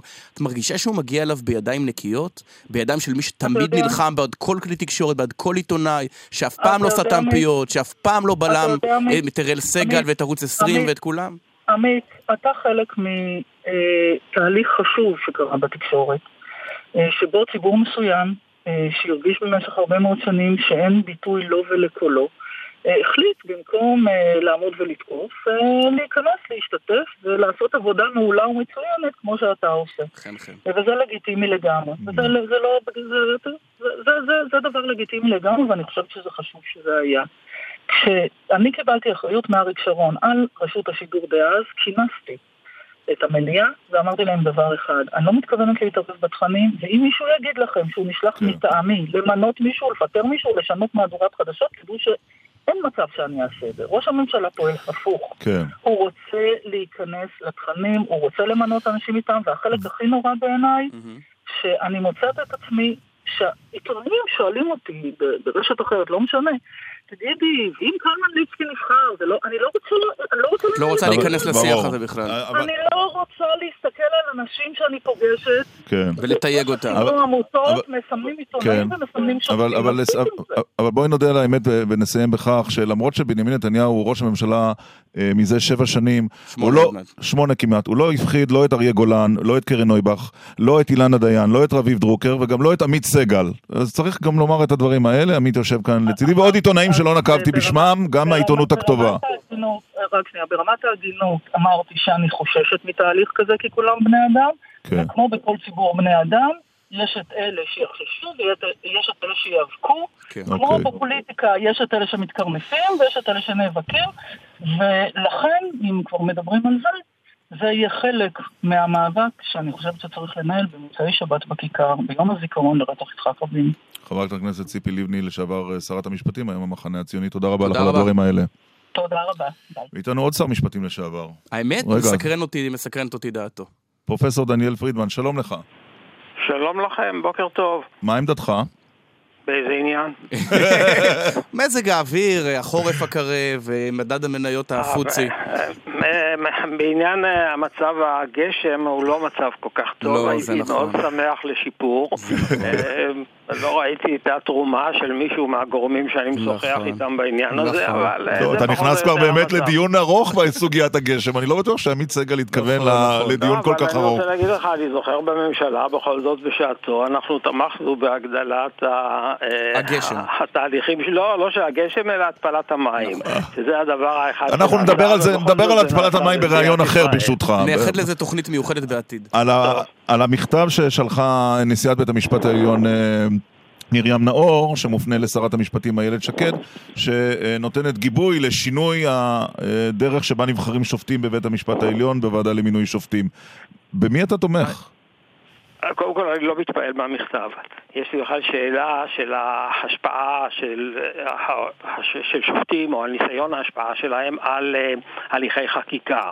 אומרת, אני לא רואה שום אה, פגם בכך ששופט אה, או ששופטים מחווים דעה על חוק כזה או אחר, אין שום בעיה בחיווי דעה. אבל ברגע שזה חורג מהבעת דעה, וזה מגיע לניסיון לה- להפעיל לחצים, או להשתמש בסמכויות שלהם עצמם, אה, אבל, אבל, הם, אבל חלק מתהליך. הבחירה של, שופטים בישראל, זה לא משהו שהם יושבים על הטריבונה ומסתכלים עליו, הם, נכון, הם חלק חשוב בוועדה לבחירת, לבחירת שופטים. נכון, אבל השאלה היא, אה, השאלה היא מי מחוקק. והשאלה היא באיזה, באיזה לחצים נתון המחוקק. והאם המ- המחוקק צריך להיות נתון ללחצים של שופטים או של בית משפט, שיש לו כל מיני סמכויות, כולל הסמכויות שלהם כחברים בו- בוועדה לבחירת שופטים. והשאלה היא האם השופטים צריכים להפעיל את הסמכויות האלה כדי להשפיע על חקיקה. אז זו שאלה אחת. אה, שנשאיר אותה כרגע פתוחה. והשאלה האחרת מבחינה, מבחינה עניינית. כן. אז מבחינה עניינית בואו נחזור קצת להיסטוריה של מה שהתרחש כאן. אה, הייתה במשך תקופה, תקופה ארוכה, קרוב ל-60 שנה, הייתה השיטה של החלטה ברוב רגיל נכון. למינויים לכל הערכאות, כולל לבית המשפט העליון. אמת. באותה, באותה תקופה, במשך מרבית התקופה, אגב, אה, שרי המשפטים קיבלו פשוט את עמדת שופטי בית המשפט העליון, למרות שהם היו שלושה חברים בוועדה. הם היו מה פחות- שקוראים, אה, פרופסור פרידמן, גרעין השליטה. זאת אומרת, הם לא החזיקו ברוב טכני, אבל כשאתה שליש מגובש, אתה בעצם מגבש רוב מת- כמעט בכל הזדמנות. נכון, הם, הם, הם, החזיקו, הם החזיקו בשליטה, ויותר מזה, גם שרי משפטים בדרך כלל קיבלו, קיבלו את עמדתם. תראה, בתקופת אהרן ברק, אני מקווה שאני לא טועה במספרים, אבל כמדומני בתקופת כהונתו כנשיא, שזה היה בערך עשר שנים, אולי קצת יותר, התמנו 11 שופטים. עשרה מהם יוזמת בית המשפט העליון, רק שופט אחד היה ביוזמת אה, שר המשפטים, אה, וזה השופט אבל אחרי. הפרופסור ברק, לוי, כן, ו- אבל אחרי הפרופסור ברק זה קצת השתנה, המאזן הזה. אחרי, לא, לא, זה השתנה בסוף תקופתו של ברק. כן, כבר אחרי פרופסור ברק, אני אומר, זה השתנה, וגם שרי משפטים יוזמים מועמדים מטעמם, זה לא רק בית המשפט העליון. הדבר הזה השתנה, השתנה בתקופתו, שבסוף, בשלהי תקופתו של ברק, פרץ משבר גדול. המשבר היה, אגב, עם ציפי לבני, לגבי המינוי של... אה, רות גביזון. אה, פרופסור של רות גביזון. עכשיו, מה, ש... מה שעומד מאחורי זה, זה בעצם השינוי במעמדו של בית המשפט העליון. זאת אומרת, ברגע שבית המשפט העליון לקח על עצמו הגדיל את סמכויותיו על חשבון הכנסת ועל חשבון הממשלה והפך שחקן במגרש הפוליטי, כן. אז ההתעניינות של שרי משפטים במי הולך לשבת בבית המשפט העליון הלכה וגדלה. וכמו שאני אומר, זה התחיל בזמנה של ציפי אה, אה, לבני עם, עם רות גביזון, אבל פרופסור פרידמן, שלא מינו בכלל. יהיו שיגידו שאתה מצייר את התמונה בלי החלק שלך בה, אה, שההידרדרות במעמד בית המשפט העליון התחילה ביום שבו נכנס פרופסור פרידמן להיכל השי של בית המשפט העליון והתחיל אה, לרסס גרפיטי על הקירות. טוב, זה, זה, זה, זו, אה, זה ציור ציורי יפה מאוד, ו... ועוד בשליחות מי? בשליחות... אה, עבר- אבל- אבל בשליחות מי? בשליחות עבריין לא, לא, מורשע אבל כמו אהוד אולמרט. תרשה לי דבר אחד, זה פשוט לא מדויק. אוקיי. אני רוצה לספר, אני- חוזר ואומר, המשבר פרץ בזמנה של ציפי לבני לגבי רות גביזון, והמשבר היה כל כך גדול שלא מינו בכלל שופטים, לא בזמנה. כן. ולא היא לא הצליחה למנות אף אחד, ובית המשפט לא מינה אף אחד. וקיוו שיבוא שר משפטים חדש ואז זה יסתדר. והגיע חיים רמון. לא אני הגעתי, הגיע חיים רמון, ושוב זה לא הסתדר. אבל מקובל עליך, הסתבר- מקובל עליך פרופסור פרידמן שמשנים את כללי המשחק לפי הרוב הפוליטי בכנסת? כלומר כשיש רוב סליחה, הימין הרי- אז הרי אז לא צריך את השופטים כללי וכש... המשחק- את כללי המשחק שינו בתקופתי. כן. היה אז, אה, באיזשהו שלב אתה, אתה, אתה תמיד משנה את כללי המשחק. כן. תמיד המשחק הזה מתנהל כל הזמן. אז באיזשהו שלב, אה, בכל שלב שתשנה אותו, וזה ישתנה בתקופתי, וגם כן. אז היו שאלות של מינויים לבית המשפט העליון, אני אז תמכתי בהצעה של גדעון סער, למרות שהיו לי ספקות מאוד מאוד קשים עם זה, וה... ראיתי את זה כניסוי. זאת אומרת, אגב, אהרון ברק אז, עד כמה שאני זוכר, התנגד נלחם. בכל הכוח, מה השאלה בכלל? הוא, כן. הוא התנגד לשינוי, אז זו- נכון. אז זו זה השאלה שלי התנגד זה בלשון לסיום. המעטה. הוויכוח הוא ויכוח מרתק וחשוב מאוד על פניו של בית המשפט והמעורבות הפוליטית שלו. אה, ואני חייב להודות אישית, ברוב המקרים אני לגמרי איתך.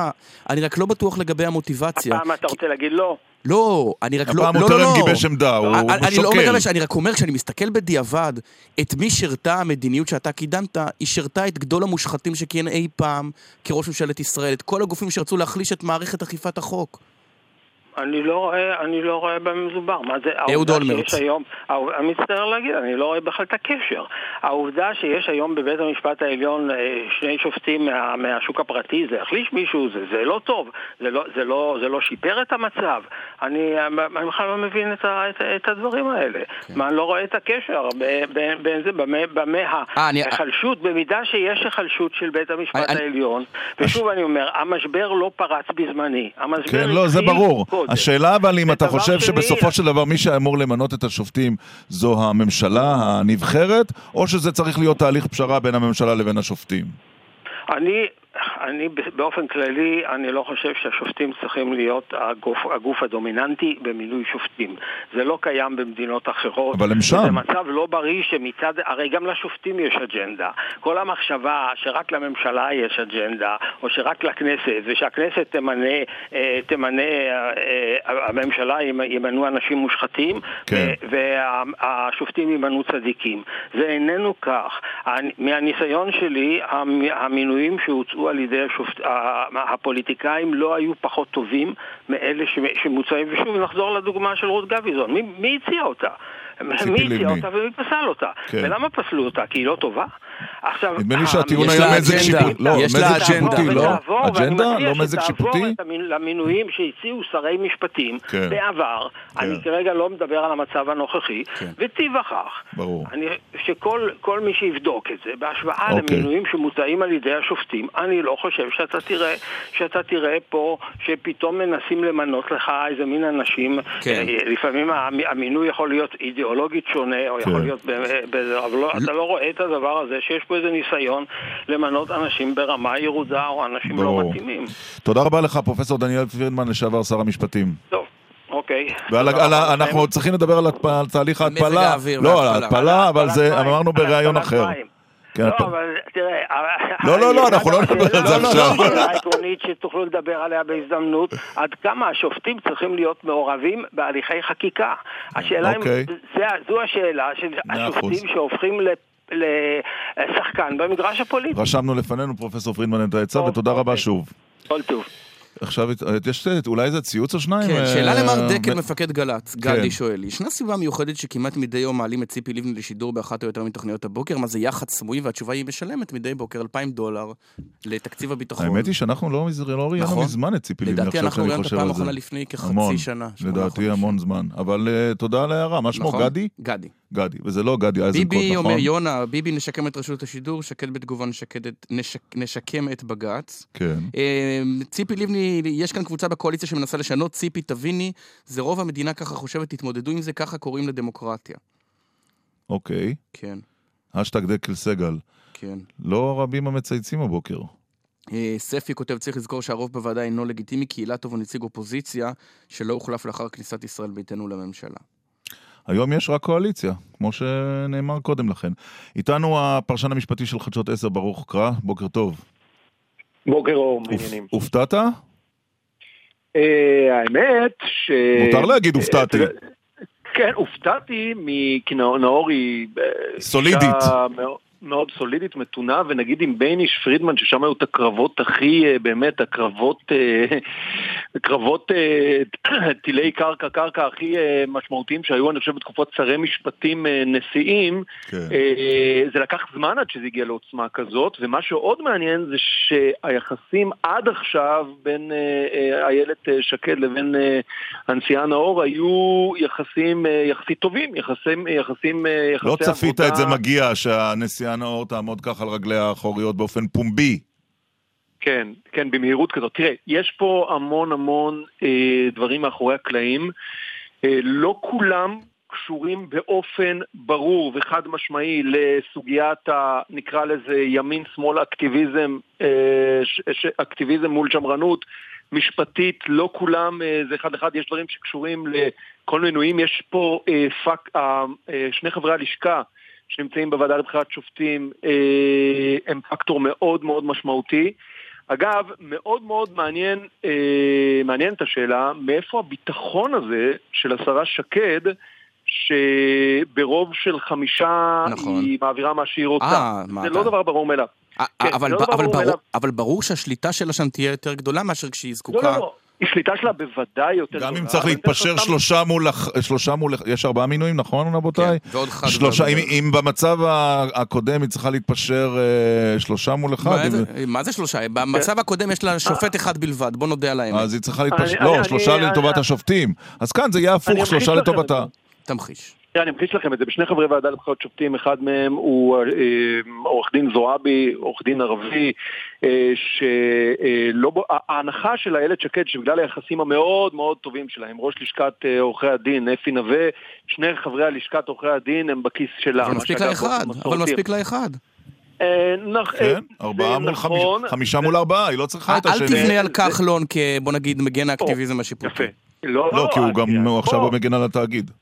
לא, הוא לא פנוי להגן על שני דברים ובעונה אחת. כחלון, אה, אה, כחלון, יש, יש, אה, אחד המועמדים זה מועמד שכחלון מאוד מאוד רוצה אותו, וגם, וגם חברי לשכת עורכי הדין רוצים אותו, מי הוא? ולכן נשיא בית המשפט המחוזי בצפון, יוסף אלרון, ולכן יש פה איזשהו באמת מאזן מאוד מאוד מעניין, שכאמור לא כולו קשור, העניין הוא פה, באמת, בכלל, אתם מזכירים, מדברים הרבה על חוק סער, אנחנו שוכחים, אני חושב שדיברתם על זה קצת עם פרידמן, לא שמעתי את הכל, חוק סער בכלל נועד למטרה ההפוכה, הוא נכון. נועד אה, כדי למנוע את הכוח שהיה אז לשופטים, בדיוק. לא כבוד שהיה לבית המשפט. כי אז. השמרנים היו במיעוט. נכון, ו- ופתאום עכשיו אה, הוא לא טוב לשופטים. עכשיו, אה, אותו דבר בדיוק היה עם חוק גרוניס, שמי שחוקק אותו בכלל היה המרואיין הקודם שלכם, פרופסור פרידמן, שרצה, אה, ש, ש, שהיה לו איזשהו, רצה לשנות ורצה לקבוע תנאי סף לשופטים, שלא כל, כל לא, שקצת קצת ככה אה, לגרד את הסניוריטי המסורתי באיך נקבע נשיא בית המשפט העליון, וגרוניס לא עמד בתנאי הסף האלה, ואז אחרי זה מי שהיה צריך לחוקק. חוק מיוחד, בדיוק, לתקן את החוק דווקא מכיוון הימין. זאת אומרת שיש פה... ששינוי כללי מאוד- המשחק לא מבטיח למפלגה הפוליטית שיוזמת אותו שהיא תגזור דיבידנד אחר כך. אבל- ממש, ממש בדיוק, לא. אבל, אבל, בוא, אבל בוא נדבר על זה ככה ברוכי. תראה, הרי בסוף זה הכל אנשים. הרי ברור לנו שהחוק הזה לא יבשיל לעולם ולא יעבור, זה אמצעי לחץ. על מה אנחנו מדברים אה, כאן? איילת? שקד רוצה, טוב. תן לי את שני האנשים שאם איילת שקד ממנה לעליון, היא מרוצה. ש- אה, אגב, ברור בגלל ש... לוח הזמנים, זה לא יכול לעבור בשלושה גם. גם לוח הזמנים וגם גל כחלון, כחלון יש לו נכון, זכות הווטו בכל, בכל שינוי חקיקה שקשור למערכת המשפט. תן לי את שני השמות, שואל- תן לי את הנועם סולברג של איילת שקד. את שני השמות שהיא רוצה להכניס לבית המשפט העליון, ונאור אומרת על גופתי המתה. לא, אז אתה תתפלא לשמוע, ולכן אני אומר לך פה, שכרגע למיטב ידיעתי על גופתי המתה הוא יותר קשור לדברים שאנשי, שלא תאמין חברי לשכת עורכי הדין רוצים להכניס, כמו למשל אה, אותו נשיא בית משפט אה, בצפון. מה הסיפור איתו? מה, למה היא? למה היא לא לא רוצה אותו? רוצים אותו, הוא לא המועמד המועדף של שופטי בית המשפט העליון, והם Mm-hmm. מעדיפים אה, שופט, שופט אחר, מעדיפים שופט בצפון בשם סמי סוקול. יש, יש, יש הרבה מאוד ויכוחים שהם לא קשורים, לכן אני אומר, אבל, אבל, זה נכון שאם איילת שקד רוצה להעביר את פרופסור גידי ספיר, שהוא... אה, ש- אין, זאת אומרת, הוא... מבר הוא אילן, לא? את כל... כן, כן, אדם, כמובן פרופסור מאוד מאוד מוכשר, אבל אין קיצוני ממנו, אני חושב, באג'נדה השמרנית, אפילו פרידמן לידו, פראייר, מה שנקרא, באג'נדה השמרנית של אה, אנטי-אקטיביזם וכולי וכולי. וגם לב- בתור חושב- הדובדבן על הקצפת גר בגוש עציון.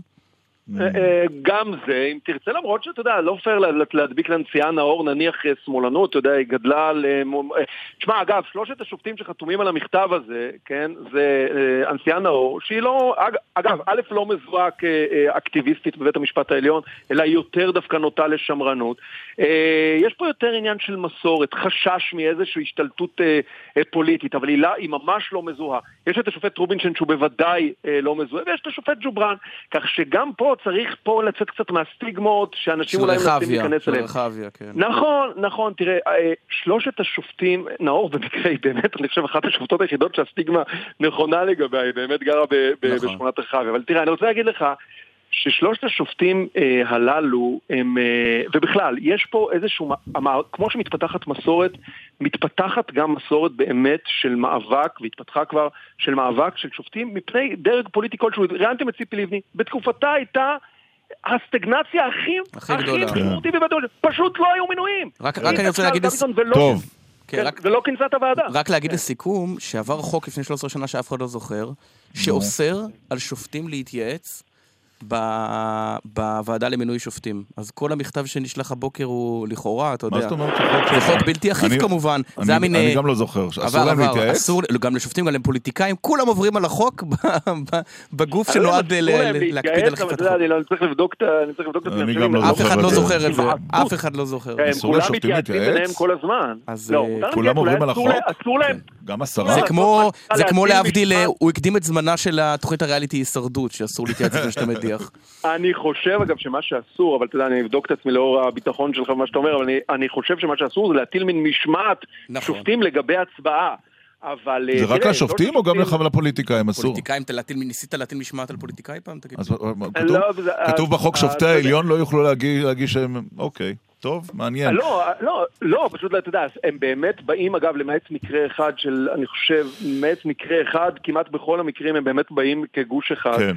ושוב, זה נובע מה- מה- מאיזושהי מסורת שהתפתחה, מחשש של הדרג הפוליטי להשתלט בצורה לא... ויהיו שיגידו לא עניינית. מחוק שימור החומר, שזה, אבל זה ויכוח באמת. ששופטים רוצים רק מי שדומה להם. ואנשים שדומים להם. אה, אנחנו נעצור כאן, כי אפשר לדבר על זה עוד שעות, וגם אה, צריך להשאיר משהו לתוכניות אחרינו. אה, תודה רבה, ברוך ברוך הקרא. קרא, פרשן המשפטי של. חדשות 10, להשתמע. אה, ג'ינגלים, חסויות, אחר כך אה, פינת ארכיון, וגם על המסעדות הכשר- אה, המסעדות, כן. כן, המסעדות שהיו כשרות והופכות לא כשרות והופכות לכשרות. עכשיו בגל"צ, ירון דקל ועמית סגל. טוב, פרס נובל לא דיברנו עליו... אה, שבועיים כבר. נכון.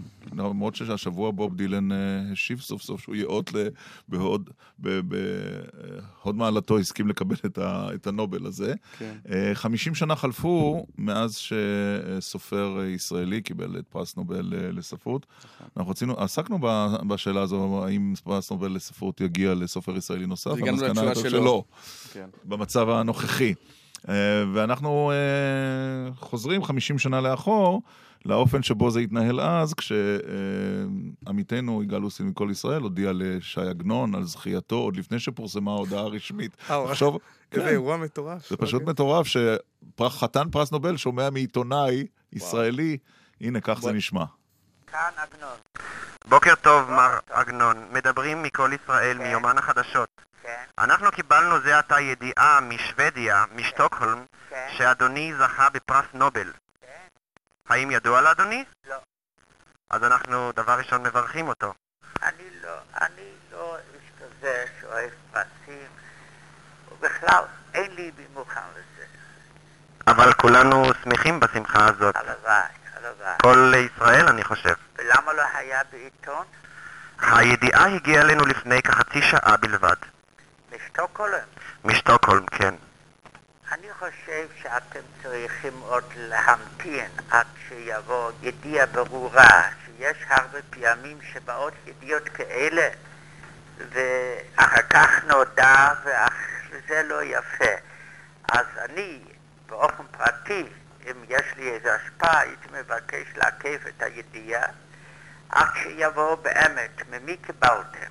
אנחנו קיבלנו את זה מהחברים שלנו ברדיו השוודי, ואנחנו מיד אה, מנסים להתקשר עכשיו עם שוודיה, עם אה, המוסד שמחלק את הפרסים, כדי לקבל אישור לידיעה. עד שלא נקבל אישור, אנחנו מבטיחים שלא נפרסם. יודע שיכול לצאת חוכא תלולה. אבל מהי הרגשתך לנוכח הידיעה הזאת, אם היא נכונה? אני רק אגיד לך, בשבילי לכתוב עמוד אחד בלשון הקודש כהוגן, בלי שגיאות, חשוב לי מכל הפרסים שבעולם. זה אני אומר לך באמת ובתמים. אני נותן לך רשות לפרסם את הדברים אחר כך, כדי עכשיו זה יכול לגרום שהם אה, ירגישו את עצמם, מחלקי הפרס יכולים לראות בזה איזה בעיטה, כן אדוני? כן. ואני רוצה להגיד לך, אשתי איננה בבית ולא אספר לו, עד כדי כך אני לא חושב את הדבר האמיתי. אין אתה יודע איזה קרויוזם ישנם בדברים שכאלה. אם תטמא את הידיע, אז נשתה שנינו לחיים. ולכן אני אומר מפני כבוד ישראל, אל תודיע. אתה מבטיח לי? אנחנו מביאים, אני אביא את בקשתך לפני הממונים, ואנחנו נשתדל לא להודיע, אלא אם כן הידיעה תהיה מאומתת על ידי השוודים בעצמם. כן. ובכן להתראות. וואו. נו. מדהים. תחשוב. לא, ועכשיו שמת לב שהוא לא מבטיח לו, הוא לא רוצה לאבד את הסקופ. כן. הוא אומר, תראה, אני אדבר עם המנהלים שלי, כן, נראה. אני אחזור אליך. מעניין אגב אם עקבו, אני מניח שכן. אבל איזה קור רוח, הוא אומר, כן. כן, זכיתי, נובל, נראה, אבל תחכה. אז. זהו, ששמעתי בספרים רבותיי ספרים אצל איזו ציפי. הקלטה. א', אה, איזו הקלטה. שמעתי גם את ההקלטה הזו שם, וגם שהיה קמפיין שלם מאחורי הקלעים כדי שעגנון יקבל את הפרס, וזה לא היה איזו בבחינת הפתעה, כי במשך שנה וחצי התנהל מסע שתדלנות מאחורי הקלעים. כדי ששי עגנון יקבל את אה, פרס נובל לספרות, והוא לא קיבל אותו לבד, הוא קיבל אותו עם עם נלי נ- זקש. נלי זקש, כן. אה, היא קיבל- תקשיב, זו שיחה מדהימה. נכון, לכן שידרנו את זה. וואו. וצריך להגיד שוב, וזה בכל ישראל, יגאל לוסין הוא שמתקשר לעגנון להודיע לו על זכייתו בפרס נובל לספרות. שלא תהיה חוכה ויתלו לה. כן, מדהים. וזה מביא אותי לשאלה, איך מלמדים היום את עגנון בבתי הספר כן. אה, בישראל? איתנו דוקטור שלמה הרציג, המפקח הארצי על הוראת הספרות במשרד החינוך. בוקר טוב לך, דוקטור הרציג. בוקר טוב. אתה את השיחה הזו שמעת כבר בעבר? את השיחה עם אה, עגנון, עם ההודעה, כן, כן. אני חושב שהשיחה מהממת, במיוחד לנוכח העובדה שאני יודע שיש איזו תזה שלמעשה מרגע שעגנון התחיל לכתוב, הוא כיוון את עצמו כבר לפרס נובל, כך שיש משהו כמעט אירוני בעובדה שהוא מופתע וחושש שמדובר בחוכא ו- ואטלולה, כשגם אתם אה, אמרתם שהוא... אה, שהיה מסע סטלנות מאחורי הקלעים כדי שהוא אמנם אה, יזכה בפרס. כן. כן, אבל לא תמיד מסעות אה, השתדלות מצליחים. מצליחים. תגיד, כש- כשאני הייתי תלמיד בתיכון, זה כבר היה כן. לפני ש- עשרות שנים. כן, 16 גם אתה שנה. מתבגר. בדיוק טולסטוי הוציא את ספרו החדש. כן. למדו עגנון, למדו לא מעט עגנון, למדו את סיפור פשוט ואת חמדת. ו- תהילה. ותהילה, וכבר אז השפה הייתה מאוד לא נגישה. קשה. מה- איפה זה עומד אז מה אתה היום? חושב, שמשהו השתנה בשפה של עגנון? לא, ביכולת של... לא, נכון, זה ברור. ביכולת של התלמידים. כן. בוא את השפה נסתכל הזו. על, ה- על הצד החיובי של המטבע, עגנון הוא הסופר היחיד אה, שהוא סופר, מבחינת מספר, אה, שהוא סופר חובה בתוכנית הלימודים בספרות בכל שכבות הגיל. הוא נלמד, הוא נלמד. אני לא משוכנע שבאותה אינטנסיביות והיקף שבאותם שנים שאתם אה, אה, מציינים, אבל אה, ודאי שהוא נלמד, יש לנו... מה אה, נלמד היום מה בתוכנית לומדים? הלימודים? אז אה, גם הרומן סיפור פשוט, הוא לא רומן חובה, אה, הוא עומד לבחירת, ולא מעט מורות לספרות אה, בוחרות ללמד את הרומן הזה, אבל אה, סיפורים קצרים, אה, הרופא וגרושתו, אדונית והרוכל, אה, אה, תהילה בעיקר בממלכתי-דתי, מדירה לדירה, פרנהיים, אבל זה לא חובה, מעט נכון? זה לא- זה לא כן, רשות. כן, אז זו לא רשות, חייבים ללמד אה, לפחות שני סיפורים קצרים של... בדמי- מה, בדמי. ימיה? לא, בדמי ימיה לא. בדמי המאה זו נובלה, כן, כן. זה לא זה סיפור קצר? לא קצר, בטח. בהיקפים. בדמי ימיה. 37 עמודים? 35? בדמי ימיה אה, מתה אמי, כן. נכון? ככה זה כן. מתחיל. נכון. אה, שמע, אה, אבל זה לא נעשה, מעט זה לא נעשה קשה. דוקטור הרציג, זה לא נעשה קשה משנה כן. לשנה? אני לא יודע אם משנה לשנה, ודאי ש... תראה, השפה זה רק אחד המחסומים בפני אה, אה, הנגישות של תלמידים ליצירות עגנון.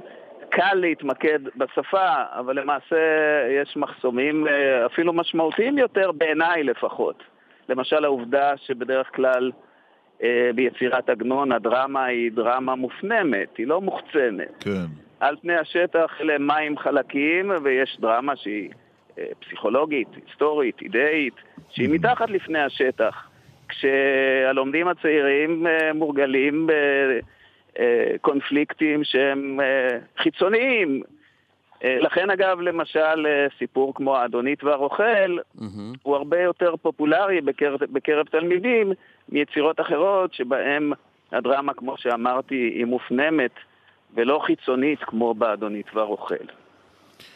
טוב, נקווה שיתמידו, למרות הקשיים. נקווה, נקווה. אנ- אנחנו אגב, אה, רק אם אנחנו מסיימים, משפט אחרון, בטח. לא מעט אה, דברים עשינו, עושים השנה במסגרת היובל הנובל, ימי עיון אה, לכל המורים לספרות, שיעורים סינכרוניים, אה, יחידות הוראה, הכנסנו סיפור חדש, לא חדש של עגנון, אבל לתוכנית הלימודים, כולל. כלומר, אנחנו בהחלט מציינים באירועים משמעותיים את העובדה שהשנה יובל לנובל של עגנון. דוקטור אה, שלמה הרציג, המפקח הארצי על הוראת הספרות במשרד החינוך, תודה רבה לך. תודה גם לכם. יש איזה ציוץ שכדאי לשים? אני עדיין מתקשה להירגע מהקטע מהשיחה? הארכיון הזה. וואו, כן, הוא ניתק. כן. סיימנו. אה, ציוצים. כן. אמ, כל ההקדמה הזו זו דרכו... כל המה? יאקי כותב, כל ההקדמה הזו זו דרכו היקית של עגנון להגיד חמסה חמסה. עגנון, אליסף כותב עגנון עגנון, אבל נשמע כמו המערכון הקלאסי של הגשש. אנחנו נעלה את זה עוד מעט ל SoundCloud ונשתף את הקטע הזה, כי הוא באמת... אה, יוצא דופן. כן. גם אחרי 50 שנה, מדהים. נכון. נשמע אה, איזה שיר? מה אתה כן, אומר? כן. ותכף נדבר על המגמה החדשה של אה, עוד מסעדות כשרות. קדימה. טוב, עכשיו אנחנו לקראת סיום נדבר קצת על אוכל, אבל אה, לא מתכונים לשבת הפעם, כן. לא, לא. למרות שאולי... אה, כן. כן. ראית מעלה את אה, חברת הכנסת יחימוביץ' לבחור עוגה לשבת? למשל? היא רודפת אחרינו עם כפכף. מתכון לשבת. כן. איתנו השף חיים כהן, שלום. שלום וברכה. וניר צוק איתנו? עוד לא. עוד לא. אנחנו בעקבות הידיעה שמטרידה, אני מניח, הרבה מאוד אה, אוהדים של, ה... של, של המסעדות, המסעדות היוקרה דווקא, על אה, סגירתה של אה, כתית ומעבר למסעדה כשרה. אבל הוא לא היחיד, נכון, אדוני, שעושה את זה. למה זה קורה? לא, הוא לא היחיד. אני חושב שהבעיה היא הרבה יותר חמורה. זה לא שסוגרים מסעדות יוקרה, אז עוברים למסעדות אה, כשרות. אה, אדוני נוסע למנהטן, אדוני נוסע לפתוח מסעדה במנהטן. כן. ואנחנו מאחלים לו בהצלחה. זה לא קשור, ל... זה- אין קשר בין הסגירה למסעדות כשרות. אוקיי, אבל באופן, קשר. כל- אבל באופן כללי אנחנו רואים מגמה הולכת וגוברת, ששפים שבעבר אה, כלי העבודה שלהם היו בין היתר פירות ים, ואני יודע, אוכל לא כשר, חזיר ודברים כאלה, עוברים בהדרגה למסעדות כשרות. אה, תראה, קודם כל צריך להגיד שמשהו קרה גם לציבור הדתי. אה, אם אה, פעם אה, הנאה מאוכל לא הייתה לגיטימית, או שלא הייתה בראש ה... כן. הסדר העדיפויות, פתאום, אני חושב, דרך האינטרנט, דרך הרשתות החברתיות, זה עושה שינוי. ופתאום רואים, וכנראה שיש לגיטימציה גם ליהנות אה, כשאתה איש דתי. אבל לא קרה, מאוכל. אבל לא הייתה גם מגמה הפוכה של אנשים, שמעתי את זה מאיזה שף לאחרונה, של, שאומר אנשים שרואים חזיר בתפריט, גם אם הם לא דתיים ונוסעים בשבת, הם לא, הם לא נכנסים למסעדה. אתה, אתה רואה את זה? תראה, אני, אני למשל ביפו תל אביב אין לי חזיר, אני לא מוכר חזיר, אבל כן, יש פירות ים. הבעיה היא לא חזיר, בוא, לא, לא, לא ניתמם. אוקיי. הבעיה היא לא חזיר. אה, הבעיה היא אחרת לגמרי. קודם כל נדבר על הצד החיובי. הצד החיובי שהקהל הדתי רוצה ליהנות, וזה נפלא מאוכל, והוא מוכן לשלם את המחיר דרך אגב, מוכן לשלם כי מסעדות כשרות הן יקרות, הן לא לא יקרות, הן יקרות אפילו יותר. נכון. למה? כי האוכל הכשר הוא, הוא, הוא יקר. מצד שני, כן. כמה מסעדות אה, כשרות עומדות בפני עצמן? מעט מאוד. רוב המסעדות הכשרות הן בתוך בתי מלון. זה תמיכה של הבית מלון. ובלי כן. התמיכה של הבית מלון, אז לא היה לזה זכות קיום. והתמיכה היא לא רק כלכלית, התמיכה היא גם בקהל. ו... ולכן צריך להסתכל על זה בצורה חיובית כן. כתופעה, אבל להבין שזה לא עכשיו נתחיל לפתוח באבן גבירול, כן. מסעדות קצרות והכל יהיה מלא. בהכשר הבד"ץ. אה, נצטרף אלינו השף אה, ניר צוק, ממסעדת אה, מפו. בוקר טוב, ניר. אהלן, בוקר אור. אתה דווקא כן הצטרפת בוקר ל... אור, ניר. הצטרפת למגמה הזאת. נכון? קראתי איתך ראיון כן. לאחרונה. על... על נכון, אני פתחתי מסעדה כשרה. למה? בעצם, למה פתחתי מסעדה כשרה? כן, למה יודע, עכשיו? לה- נניח לא לפני כשהתפרסמת, כשהובלת, אלא עכשיו, כן.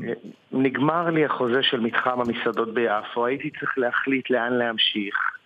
אה, הייתה לי, היה לי אופציה לשיתוף אה, פעולה מקסים עם רשת פרימה, והחלטתי ללכת על זה במלוא הכוח. כלומר, זה היה מיזם עסקי. בוודאי, מיזם עסקי, אה, קהל חדש שאני לא מכיר, לוקיישן מקסים באזור של הים, החלטתי למה לא. זאת החלטה ערכית אבל? או החלטה עסקית? או, או משהו אישי? אה, זה מתחלק לשניים. פעם אחת זה קודם כל החלטה עסקית, ובפעם השנייה, לאורך השנים אספתי המון חברים בכל מיני צבעים וסוגים, חלק גדול מהם שומרי כשרות, והיה לי די עצוב שהם לא באים לאכול אצלי במסעדות, אלא רק אוכלים אצלי בבית. ועכשיו אני זוכה לבלות איתם על הבר במאפו. הבנתי, אז בסוף זה גם היה... גם וגם. גם היה עניין אישי, ואתה רואה שיותר קשה לך למלא את המסעדה? בגלל שנניח אתה מאבד נתח של אנשים שמה שעושה להם את זה זה... זה השרצים. ביף בורגניון או לא יודע מה, לא, לא יודע, צדפות. עמית לא- עמית לא כל כך מצוי בהלכות המטבח הלא כשר, זה הכל. צדפות, צדפות. כן. אה, לשמחתי הרבה, הלקוחות הוותיקים שלי ממשיכים לבוא לבלות אצלי, ולא, אתה יודע, נתקלתי באנשים שאומרים שאם זה כשר אז הם לא יבואו. כן. אה, לשמחתי הם מיעוט. כן. הי- זה, אנחנו מדברים גם על רקע של אה, מיני סערה שהתחוללה, חיים, על רקע אה, אה, בר, מסעדה, בגסי שהכשיר את עצמו בתל אביב, והיה פוסט שהפך למאוד ויראלי, שהראה איך באמת התחיל איזה טרנד נגד המסעדה, כי אנשים הזדעזעו מהעובדה שהיא הכשירה את עצמה והיא כבר לא מה שהיא הייתה. אבל זה, זה טרנד... זה תופעה שולית, אבל נכון? אני א', מקווה שזו תופעה ש- שולית, וב', אני לא מבין אה, למה, אתה יודע, כששואלים אותי, אתה אוכל כשר? אני אומר, אני אוכל גם כשר, כן.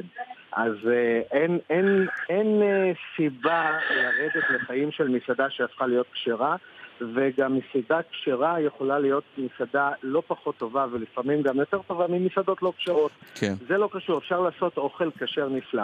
הבעיה, סליחה, הבעיה במסעדה כשרה היא לא האוכל, הבעיה היא ההתנהלות מול המשגיחי כשרות ומול הרבנות.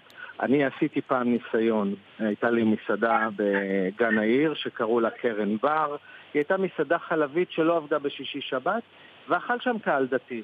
אוקיי. הוא אמר לי, תשמע, אנחנו צריכים את התעודה, אין מה לעשות, רואים אותנו, וזה כן. לא נוח לנו. ניסיתי לעשות אה, אה, את המסעדה כשרה, אבל הדרישות והכספים והח- שהם דרשו, והחוסר אכפתיות של המשגיח שבאים ושולחים לי מישהו אחר, וכן עובדים ולא עובדים, אמרתי תודה רבה, אם, זה, אם זאת הגישה. אז זה לא הולך. אז אני המשפחה מוותר. שלך, חיים כהן, אוכלת כשר, נכון? גם. אתה אה, מגיע, גם, אתה מגיע מבית, גם. אבל אה, שומר אבל- כשרות.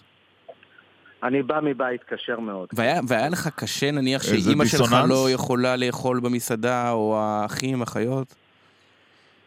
אחים ואחיות לא עשו לי, אני בן יחיד. אה, אוקיי. אז אז פתרת לא- אז בעיה. לא- אז לא היה להם קשה בכלל, לא הייתה יפה. להם שום בעיה. מעולם לא אמר לך, אח, אני לא אוכל אצלך בדיוק, במסעדה. זה לא התרחש. לא, לא, גם לא רבתי איתם. אה, כן, הייתה בעיה, אבל אני בחרתי בדרך, וההורים שלי כיבדו אותה, ומעולם לא נזפו בי ולא כעסו עליי. כן. אבל אה, תשמע, מי שבא מבית כזה, אה, לא יכול למכור חזיר, כי החזיר הוא באמת, ואני מתייחס לאמירה הקודמת שלך, חזיר הוא סוג של דגל אדום, אה, לא משנה מה, ואני רואה את זה גם... אז אצלך אין חזיר, חיים, במסעדות? ביפ- ביפו תל אביב אני לא מוכר חזיר. וואלה. אה, לא ידעתי את זה. אוקיי. כן. כן, אבל אני עובד בשבת. אתם רואים, אתם רואים לסיום, אה. אנחנו צריכים להיפרד, אתם רואים לסיום מצב שבו בתל אביב יש יותר כשרות מלא כשרות בטווח של, אני יודע, 10-20 שנה? עכשיו להיפרד, להיות טעים. אה, אם... אה, אני לא יודע, יכול אוקיי. להיות. ניר? במגמה של מלון, יכול להיות. אני, אני לא רואה מצב לא רואה מצב כזה. כזה. אוקיי. אני לא רואה מצב כזה. תודה רבה, ושיהיה בתיאבון מה שנאמר. חיים כהן, רבה. ניר צוק, תודה רבה. לשניכם. כן. אנחנו... אתה יודע שבכל העתיקות של ירושלים, מהתקופה של בית שני, לא מצאו בכלל אה, עצמות חזיר. אני חושב תמיד ילכו לפחי האשפה של תל אביב במאה... בעוד- אלפיים שנה, ה-25. לא- לא יהיה מחסור בזה, כן. אה. ערך את התוכנית דן שחורי, הפיקו משי ג'רסי טסה פדווה, ביצוע טכני אפרים קרני, עורך הדיגיטל גיא חזק. אחרינו יועז הנדל, היום עם רינה מצליח. כן. אתה מכיר את רינה מצליח? ששמעתי עליה במאורפן. אנחנו, דקל סגל, אנחנו מסיימים. אה, נשתמע בשבוע שבוע הבא. הבא, להתראות. להתראות סוף שבוע נעים.